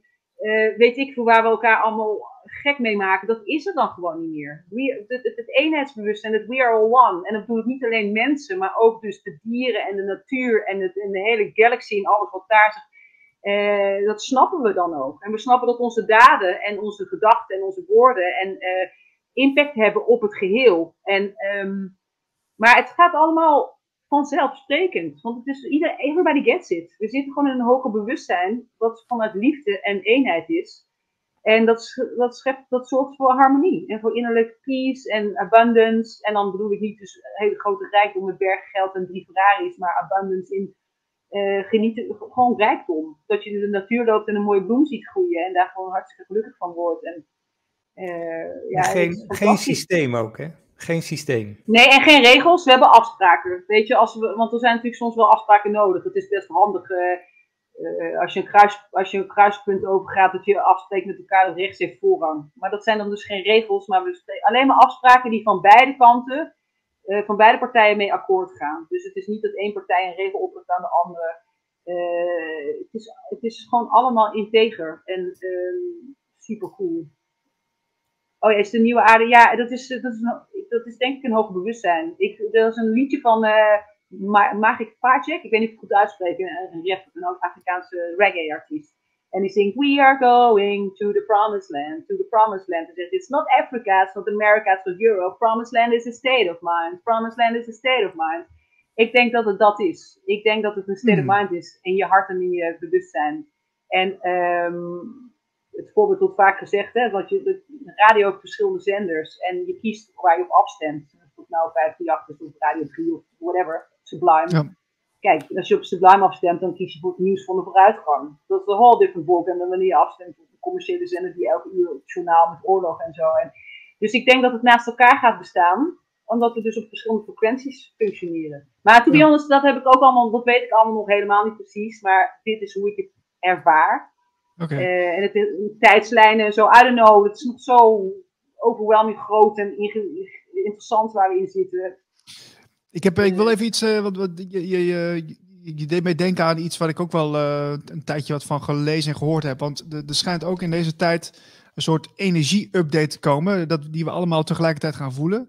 Uh, op een bepaald moment zal het dan ge gebeuren gewoon in, tijdens een alledaags moment. En dan, dan, voelen we dat en dan krijgen we een soort download. Um, heb je daar ook wel eens iets van gehoord? Of, Ja, is mooi. Ik, ben, ik heb nu opeens bedenken, ook oh, ik heb wel een goed antwoord. Ja, ik heb zelf al best wel wat downloads en activaties mogen ervaren. Uh, in, voornamelijk bij mij in ayahuasca ceremonies, dat ik dat uh, ervaar. En ik heb één keer een hele grappige ceremonie gehad, waarin, kijk, ik heb de nieuwe aarde al regelmatig mogen baren. Klinkt misschien een beetje raar, maar ik heb het echt mogen baren. En uh, met weeën, alles erop en eraan. Toen ik in 2016 dus in de jungle was, de dag daarna in die groupsharing, zei een jongen tegen mij, Gita, ik heb een boodschap voor jou voor moeder ayahuasca. It will be born. En ik zei, it will be born. What will be born? En uh, ik was toen dus net 40 geworden. Ik heb nooit echt een kinderwens gehad. Maar ik zat wel een beetje na te denken van, als de klok tikt, weet ik het zeker. Maar als ik nog een kind wil, moet ik wel nu over gaan nadenken. Plus ik ging, ik was ook in Zuid-Amerika om een kinderboekje te schrijven. Dat ik, oh, misschien moet ik een soort kinderboek baren, weet je wel. Ik zat erover na te denken. Half jaar later was ik terug in Zuid-Amerika om weer met een, bepaalde shaman een samenwerking aan te gaan. Dus ik was veel werk met hem aan het doen. En opeens de derde avond had ik we letterlijk weeën. Weet je, ik was echt van, wat gebeurt er? En toen heb ik nog hulp... Uh, ja, weeën. Maar dus, en toen heb ik nog hulp gevraagd aan iemand uh, uit de, van, de, van de assistenten. zei ik, ja, ik ben aan het baren, weet je wel. Uh, wat moet ik doen? en er was een man en die zei... En hij zei, hij zei, wat is, I'm giving birth, don't you see that? Ik werd heel boos op hem. hij zei, you're a woman, you're a woman, you know what to do. En toen dacht ik, oh my god, ik ben zo ik ben zo, ook daarin zijn we ook zo gebrainwashed dat we denken dat we ziekenhuis nodig hebben en vroegvrouw en dit dat. Natuurlijk weet ik wat ik moet doen. Ik ben gebouwd om te baren. nu was dit natuurlijk energetisch, maar. Um, en toen heb ik de nieuwe aarde gebaard. En toen heb ik een eet af moeten leggen, of een eet afgelegd. Van oké, vanaf nu ga ik zorg dragen voor de nieuwe aarde. Die is gebaseerd op integriteit en eenheid en liefde en, en brotherhood en co-creation. En en ik, uh, ja, ik ben eigenlijk een soort dus moeder van de nieuwe aarde. Zoals een moeder voor de nieuwe aarde zorgt, voor haar kind zorg draagt, moet ik voor de nieuwe aarde zorg dragen. En dan moet ik ook de innemen. En, en dat is uiteindelijk dus vanaf 2016 een heel verhaal geworden. En veel vaker nog teruggekomen. En, en uiteindelijk kwam ik er ook achter, oh, we zijn, niet alleen de, we zijn niet alleen de nieuwe aarde aan het baren, we zijn ook nieuw, ons nieuwe zelf aan het baren. Wij worden nieuwe mensen.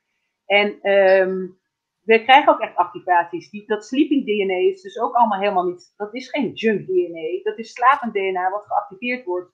En um, op een gegeven moment had ik een ceremonie waarin mijn toekomstige bewustzijn, dat heb ik nog in de wond. Dat kan ik pas baren als, als ik zuiver ben. Als ik al mijn trauma's en al mijn ego bullshit en al mijn innerlijke werk heb gedaan.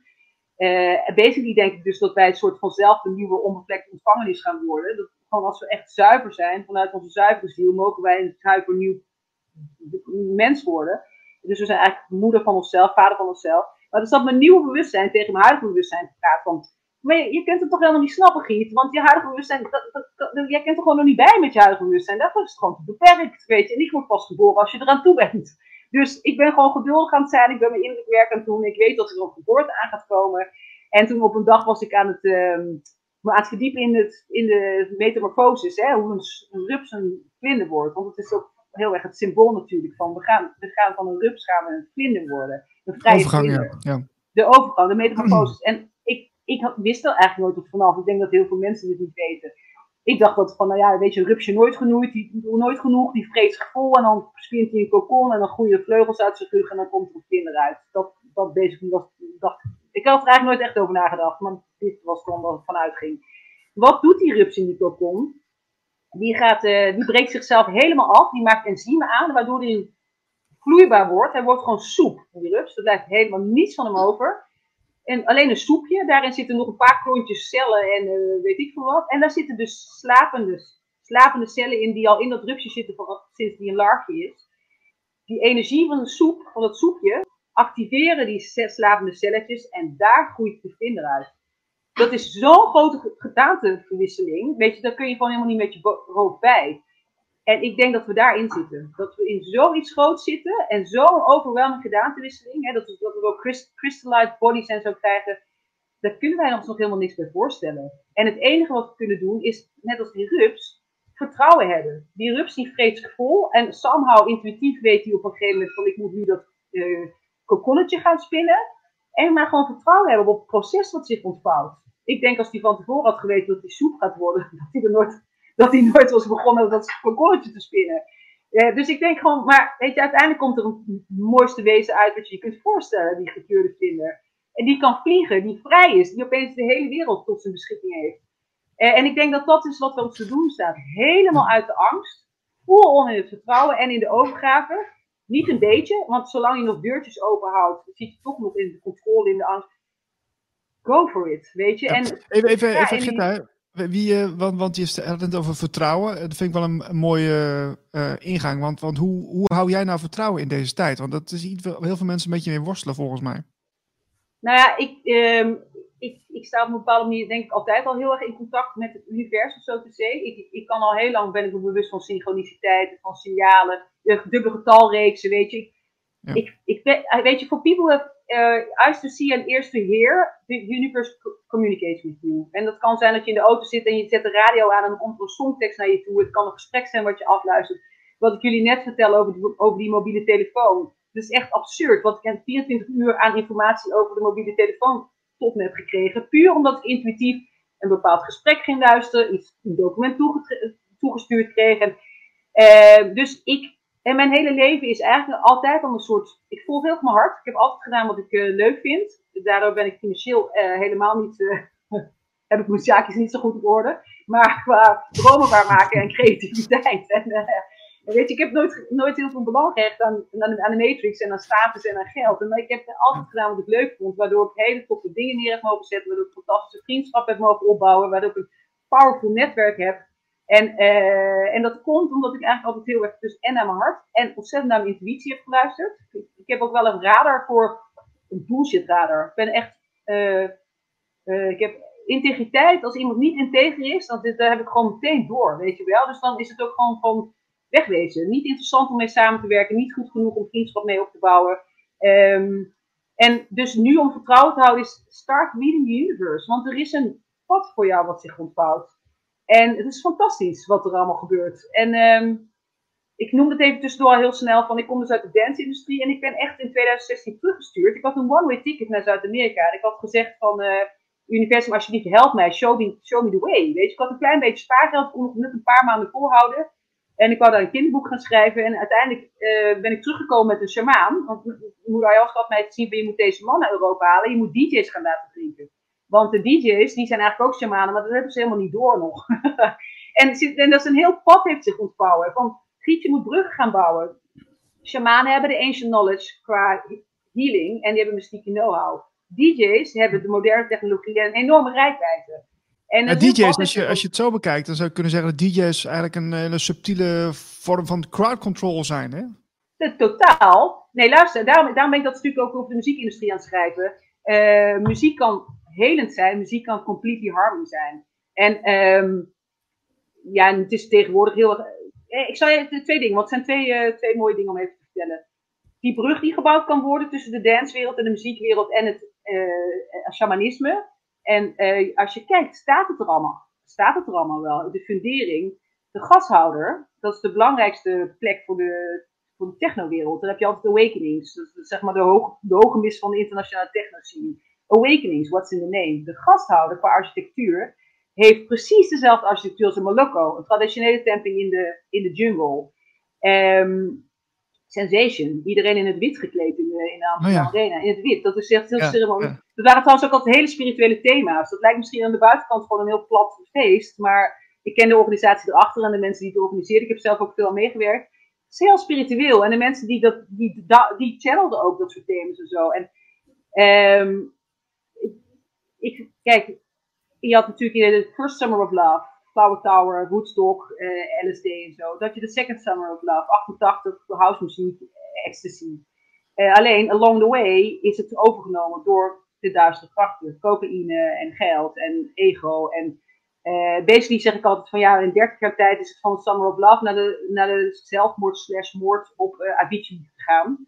En daar staan we nu. Maar we zijn wakker aan het worden en we beginnen ook te zien van deze is toxic. Het is één grote parasitaire bedoeling wat daar aan is. echt heftig hoor. Ook met, uh, I love it. Ik heb echt mega veel herinneringen, mooie uh, dansen, heel. Maar het is dark geworden. En door een groot stuk onwetendheid en doordat we gewoon de grens hebben opengezet voor dus de verkeerde middelen en de verkeerde krachten en, uh, en ego en alles. Maar heel veel mensen beginnen zich dat te realiseren en dat we het helemaal kunnen gaan shiften. En dan zie je van, oh, maar dan hebben we dus 30 jaar gehad om wij zijn goed in festivals neerzetten. We know logistiek, crowd control, uh, weet je, uh, sound system. Oké. Oh ja, en, dus, en nou ja, dat pad begon zich dus ontvouwen in mijn leven. Toen heb ik die eerste shaman naar Nederland gehaald. En dat was een, hele, dat was een best moderne shaman. Die werkt met een sound system. En die draait muziek, dat is eigenlijk een beetje een cosmic DJ. Die draait muziek van all over the world. En vervolgens kwam er een andere shaman op het pad. Is een muzikant, een hele goede zanger. En... Uh, ik werd ervoor benaderd of ik voor, hem, ik dingen wilde gaan organiseren. En zei ik, nou ja, dan moet ik hem eerst ontmoeten en voelen, en, uh, maar dat wil ik wel doen. Dus ik wil hem wel ontmoeten en dan kijken we vanaf daar. En um, mijn partner is een, uh, is een DJ, dus uh, gewoon samen met een bekende DJ. En um, dus op langs die weg krijg ik het allemaal mee. En mijn moeder Ayahuasca liet mij zien van, je moet bruggen gaan bouwen tussen deze shamaan en, deze, en je partner. Dus die shaman heb ik naar Amsterdam gehaald. En dan heb ik op vrijdagnacht heb ik mijn partner uh, in de ceremonie laten drinken met uh, deze shaman. En kijk, dit is het werk wat de shaman doet. En op zondagmiddag heb ik de shaman meegenomen naar Awakenings Festival. En die heb ik op het podium gezet naast mijn vriend voor 10.000 man. En gezegd, kijk, dit is wat we aan... Uh, oh, wauw, interessant zeg. Ja, ik vind het interessant, grote, ja. ja. het gaat nog veel verder. Dit, dit pad is zich al vijf jaar aan het ontvouwen. Toen kwam er iemand bij, die was vroeger DJ, die heeft een heel interessant bewustwordingspad doorlopen. En die krijgt nu hele mooie codes door, die stopt die in um, virtual reality en in, in kunst. Dus als je daar naar kijkt, dan krijg je ook gewoon activaties, healing of hartopening. En die zei van, ik wil wel de visuals doen. Want, uh, dus basically, dit, Basically gaan we toe naar een heel groot evenement dat op alle manieren in een ander bewustzijnsveld zit. Dus de DJ's staan er anders in. Het begin, dat is natuurlijk al best wel aan het gebeuren in de ecstatic dance community. Um, heel lang geleden, mijn, mijn vriendje tijdens mijn studententijd was ook een techno-jongen. Die uh, maakte techno, was fan van techno. En mijn vader is huisarts en die is uiteindelijk geshift naar, uh, die is nu hypnotherapeut. Die is, uh, en live between live practitioner. Dat is Zo, dat is nog wel een flinke, flinke stap dan van huisarts, toch? Ja, nou ja, dus hij, he paved the way for me. Heel veel van wat ik weet en wat ik doe is dankzij mijn vader. Die heeft, uh, die heeft mij alles geleerd over de holistische kijk op genezing. Er was een, een apotheekhoudende huisarts, dus ik ben gewoon opgegroeid met zo'n, en, en ik zat op de vrije school. En, dus ik heb echt thuis heel veel meegekregen over. Ik had ook al bio, biodynamisch eten, eten en ik smeerde mijn leden aan alles. Maar vooral een stuk geneeskunde. Ja, mijn vader die was altijd heel breed geïnteresseerd. Uh, ik, ik heb van hem voor het eerst over meditatie, NLP, uh, eh, nou ja, noem het allemaal op. En uiteindelijk toen hij 60 werd, toen zei hij, ik kan mijn patiënten niet helpen op de manier zoals ik het zou willen. Want het, systeem is gewoon een, het, mensbeeld is niet compleet, weet je wel. Ze worden gewoon als een soort uh, biologisch fabriekje weggezet waar farmaceutische middelen hun werk doen. En hij had ook gewoon door dat het op andere lagen te doen is. Dus die heeft een heel bewuste keuze genomen om hypnotherapeut te worden. En dat is hij nu nog. Hij is 80 en uh, hij helpt mensen. Het is fantastisch. En we werken samen. We sturen mensen naar elkaar door en uh, we vullen elkaar aan. En het is echt is top. Maar wat ik wou zeggen over. Um, ik was iets over het muziekscript aan het vertellen. Um, nou ja, dat het, oh ja, van, die, van die verschillende lagen van bewustzijn. Ja. Nou ja, dat, dat heel veel mensen. Oh ja, hij gaf me dat boekje. Oké, ik had een vriendje in mijn studententijd en ik liet hem een bepaalde technomuziek horen. En dat is natuurlijk best wel, uh, ja, rhythm, ja, dat is wel een beetje minimalistisch en dat is ook wel heel hypnotic. En toen heeft hij een boekje gegeven dat heet Music of Time. En dat gaat over Preston Nichols en dat was de engineer van, van uh, Phil Spector. Die heeft nog meegeholpen aan de Wall of Sound opbouwen en zo. En dat was een heel jong gastje in die tijd, 12 of zo. Maar dat was de beste sound engineer van zijn tijd. En hij deed uh, sound engineering voor de Beach Boys en de Who en de Stones en nou, noem ze allemaal op. Super interessant boekje.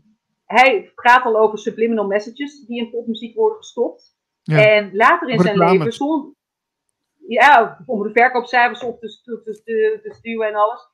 Uh, en later in zijn leven, zonder, zonder dat hij dat weet, is hij betrokken bij um, de Montauk-experimenten. Um, dus de CIA die met LSD dingen aan het doen is. En die, die radar, die hebben nog een onderzeeër van de, van de radar af uh, weten te krijgen en alles. En, maar hij wist dat niet. Uh, hij had een soort parallel leven. Mensen zeiden, ik heb je daar en daar gezien. Zeiden, dat kan helemaal niet. Dat was ik helemaal niet. Ik was daar. En uiteindelijk gaat het richting tijdreizen. En nou, best wel crazy shit allemaal. Maar dat boekje wow. heb ik dus 25 25 jaar lang in mijn bezit gehad. En altijd geweten, op een dag gaat dit belangrijk worden, de boekje. Terwijl ik nog niet goed, niet goed snapte waarom, maar intuïtief wist ik dat.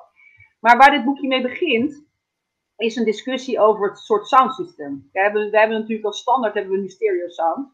En, maar dat was ook ooit quadraphonic sound. En uh, ik vind sound systems niet zo heel belangrijk. Ik luister ook muziek naar mijn computer. Maar mijn vriend wordt daar dus helemaal gek van, want die heeft een mega goed gehoor. En die zegt dat dit kan echt niet ook in ceremonies en zo, moet je gewoon echt goede dingen hebben. Uiteindelijk heb ik heel veel ceremonies mogen doen in een, uh, in een kerkje van een vriend van me. En daar hing een Function One sound system. En voor de mensen, voor de kenners, die weten, het is echt top quality. Dat is wat er ook in de, in de nachtclubs en zo hangt. Maar anyway, door mijn vriend heb ik het belang van sound systems leren kennen. En het is belangrijk voor je voor. En dit boekje opent dus met die discussie. Paraphonic sound, stereosonic sound. Uiteindelijk heeft stereosonic, stereosonic sound dus de standaard geworden. Er zijn nog wat chiropractors en zo mee met quadraphonic sound aan de haal gegaan. Maar, sinds, maar ever sinds ben ik er heel erg van bewust van. Oh, er zijn dus ook andere soorten sound systems. Dus ook, ook daarin moeten we anders gaan denken. Ik denk echt dat we op alle levels een stap te zetten hebben. Dus dat we straks evenementen gaan doen Doe even denken aan een ehm, verhaal wat ik ook weer gehoord heb over, over dat, uh, dat, dat, dat. moeten we nou niet gaan bespreken, want dat is veel te uitgebreid. Maar dat gaat ook over um, dat uh, bepaalde frequenties. die zijn aangepast in, in, in, de, in de muziekwereld. Hè? Dat, wist, dat weet jij ook wel, Marlijn. Ja. Uh, dat, dat, dat daardoor, ja, dat je daardoor een andere. Ja, maar dan komen we ook weer bij de nazi's terecht, denk ik. Ja, precies. Ik wou zeggen. ja. En bij de Rockefellers. En bij de Rockefellers. Ja, voor de luisteraars die dit niet weten, er is een discussie. Kijk, standaard tuning is wereldwijd op 440 hertz gezet. Uh, maar ooit was het 432. En de Rockefellers zijn ermee begonnen. Die zijn als filantropie. Zijn ze instrumenten aan scholen gaan uitdelen. Maar die instrumenten waren net 8 hertz anders gestemd. Maar daar denk je niks over. Daar denk je niet over na, hè? Want het, ja, het is een klein en verschil. Je bent blij met een gratis piano en whatever. Inderdaad, tijdens de Tweede Wereldoorlog hebben de nazi's er doorheen geduwd. Ze hebben nog heel veel uh, Franse muzikanten vooral heel erg tegen, tegengestemd. Het ding is, er is een filmpje op YouTube, dan kun je dat zelf uh, checken. Daar ligt zand op een uh, glasplaat. En de, zand bij 44 hertz vormt een heel rommelig patroon. En zand bij 432, de muziek bij 432 hertz zorgt voor een mooi patroon. Als je nagaat, alles is dus frequency. Hè? Everything is vibration, everything is frequency. Zoals Tesla al zei, if you want to understand the universe, you have to think in frequency and vibration. Of zoiets is een uitspraak. Wij bestaan voor 80% of zo uit water. Uh, dat, dus dat, alles wat bij ons binnenkomt, daar, daar, reageren wij op. Als wij de hele dag muziek te horen krijgen wat net een beetje op is, daar worden we dus een beetje agressief van, een beetje edgy, een beetje. Uh, en dat is dus, het is gewoon weer onderdeel van die agenda om ons niet peaceful te hebben. Als wij de, ja. En um, 528 is een hele belangrijke. Daar was John, dat is de love frequency, wordt die genoemd. John Lennon wordt daar, was daar een promotor van. En mijn overtuiging, ik denk dat John Lennon, ja, ja, die is vermoord, dat weten we allemaal. Maar ik denk dat hij niet door een of andere gekke fan is vermoord. Ik denk dat hij fan van Mind Control was. Uh, John Lennon werd, werd te die was te invloedrijk. En die was natuurlijk de love frequency aan het uitdragen, wat regelrecht ingaat tegen de belangen van de war, de industrial uh, military complex. Die is gewoon uit de weg geruimd. En dat is dus de 528 frequency, die is ook heel interessant om te, om te checken. Dan heb je de Solfeggio uh, frequencies, daar weet ik niet zo heel veel vanaf, maar die is ook interessant om te checken. Ik weet dat Chesto, dat weten denk ik heel veel mensen niet, maar de producer van, van back in the time, in de tijd dat hij uh, de Olympische Spelen en zo deed, de, de, producer van hem, die ken ik. En die deed toen al de muziek van Chesto op 432. Maar dat hing die toen nog niet aan de grote klok. Maar dan kun je wel bedenken van, goh, het zou heel goed kunnen hebben bijgedragen aan het succes van Chesto. Dus hij kon ook het verschil zien, hmm. de uitwerking op het publiek en zo. Hier is heel veel over te vertellen. En ik ben hier dus mee bezig. Kan jullie wel een beetje een, een spoiler alert, of hoe je dat zegt, want ik ga hier wel ook podcast over maken. Oh, gaaf. Die willen we ehm, graag uitzenden als, als, die, uh, als die af is. Maar ook ja, uh, sowieso je artikel. Uh, als je klaar bent met je artikel. Absoluut, absoluut. We zitten wel een beetje aan de tijd. Eh, ja, ja, goed. Er komt ook een webshop aan en zo. Ik ben echt, uh, ik sta aan. Ik heb heel veel inspiratie alleen. Ik word dus af en toe een beetje door uitputtingen en allemaal vervelende dingen tegengehouden. dan moet ik weer allemaal cleansen en slapen. En, but I'm on it. Ik ben, uh, goed zeg. We gaan mooie dingen doen met z'n allen. Zo is het. Ook bij Radio Gletscher. Dus. Uh, Marlijn, jij wilde nog wat vragen, denk ik? Of wat je ik wil nog een nou, laatste, laatste vraag dan. Um, want je hoort heel veel astrologen nu en ook uh, channelers en uh, die hele spirituele community is helemaal er vol van. Over die equinox die eraan zit te komen. En ook 12 ja. april, dat schijnt er ook iets uh, te zijn. Um, en Judith Zeeman hadden we ook in januari in de uitzending hier. En die had het ook over april. Die zei van ja, er komt een enorme uh, influx, er komt een uh, energie naar de aarde toe, uh, daar word je echt niet goed van. We worden allemaal enorm geupgrade. Ja. Dus misschien, misschien dat jij daar ook iets van weet. Nee, te weinig. Ik, ben niet, ik zit niet echt in de astrologie. Ik zie wel heel erg, ik geloof er wel echt in. Kun je al heel simpel zien. Ik, ik, ik, inmiddels zit ik niet meer op Facebook, maar ik heb best wel lang op Facebook gezeten en ik ben vissen. En ik, heb in, en ik zag ik in mijn netwerk, in bepaalde maanden had ik onwijs veel verjaardagen. En in bepaalde maanden had ik nul verjaardagen.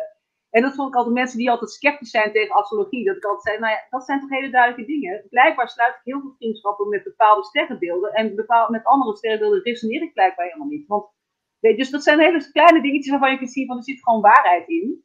Um, nee, ik weet, ik heb niet, ik heb, ik heb wel ooit zelf in 2017, eh, was dit tijdens de herfstequinox, mega grote ceremonie in, de, in het Andersgebergte gedaan. De hele nacht eh, om een bonfire dansen en werken. Dus ik weet wel dat shamanen zo ook allemaal heel erg met dit soort dingen bezig zijn. En, um, maar, en ik weet ook dat de dark side heel erg met dit soort dingen bezig is.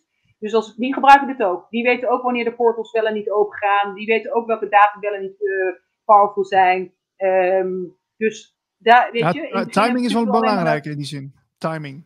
Ontzettend. en zij weten ook wanneer de kosmische... Ja.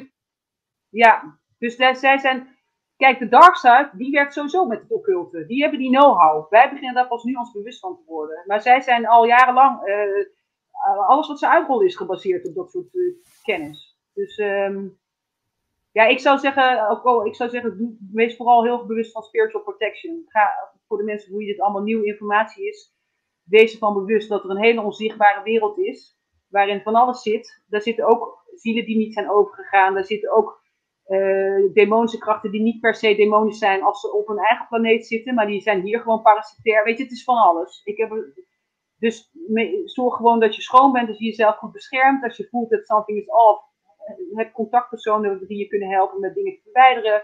En um, ja, als, het, als we weer heftige weken tegemoet gaan, dan zou ik zeggen, enjoy the ride, maar doe het met uh, beleid. Het is ook echt een, het is een super dubbele tijd. Het is doodeng, fucking kwaadaardig. Ik hou mijn hart vast. En tegelijkertijd is het fantastisch. En uh, is, het, is het volgens mij een eer to be alive in deze tijd. Dat wij hier maar mogen bijdragen. En uh, weet je, dit is het meest spectaculaire, voor, zover ik het begrepen, wat we ooit gaan meemaken in de geschiedenis van de mensheid. En wij mogen het mee vormgeven. Ja. Zo is het. We, we gaan er vol voor. En we gaan afsluiten, Gitta. Dank voor je tijd. Ja, ja, ik zal alle linkjes even aan je doorgeven, dan kun je die eronder zetten. Want er zit echt een aantal super kijktips bij voor de mensen. Jullie ook bedankt. Gaan we doen. Dus, Zeker. Uh, en uh, wie weet, tot de volgende keer. Leuk. Uh, wij richten ons nog even tot de luisteraars, want uh, die zitten natuurlijk allemaal te wachten op uh, wat wij nog allemaal te melden hebben over Radio Gletscher. Ehm, als je nog suggesties hebt of je wilt meedoen met Radio Gletscher, stuur even een mailtje naar info.radiogletscher.nl. En wij hebben ook sinds kort een hele interessante nieuwsbrief. Um, daar kun je ook abonneren en dan kun je eigenlijk al zien, nou ja, bijvoorbeeld wie de volgende gast is in de uitzending en allerlei andere nieuwtjes die um, die je niet op de website leest. Allemaal inside information die natuurlijk ontzettend interessant is. Dus uh, abonneer even op de website, op de, op de nieuwsbrief. En voor je dit nou echt een leuk programma en wil je ons steunen om, uh, om, onze, ja, om, om onze missie eigenlijk een beetje te volbrengen. Uh, je kunt een bedrag doneren. Dat kan. Dat, dat, dat mag, dat hoeft niet. Dat is, dus, dat is, we, zouden ons, we, zijn, we zouden er heel dankbaar voor zijn. dat kan ook via de website. Dat gewoon doen. Gewoon doen. Gewoon ja, doen. Nee, ik zeg ja, het maar, ik zeg doen. Heel veel, grote getalen. en dan kunnen wij weer verder met ons project radiogletscher.nl. Hoger bewustzijn, diepere radio. En Gitta, Ja, jij wil nog even hier iets nog zeggen. Ja. Ja, over dat geld, hè. Ik denk namelijk echt dat mensen ook moeten gaan nadenken. Er komt vast hyperinflatie aan, er komt vast digital currency. Weet je dat je straks niet eens meer bij je geld kunt. Kijk naar wat Trudeau allemaal aan het uitrollen is. Als je wat spaargeld hebt, dan denk ik inderdaad, schenk het naar mensen die met mooie initiatieven bezig zijn. Of ga goud en zilver kopen en al die dingen. Maar nu heb je nog even tijd om, om slim te handelen. Straks ben je het kwijt of is het niks meer waard. Of, eh, dat denk ik. Dus eh, Zo is het. ook weer. Enjoy the ride met beleid. Mooi gezegd. Volgende week, zijn- volgende week zijn we er weer. En ehm, ik wens iedereen nog een hele fijne, mooie, zonnige dag. Bye bye. Bye Bye bye. bye.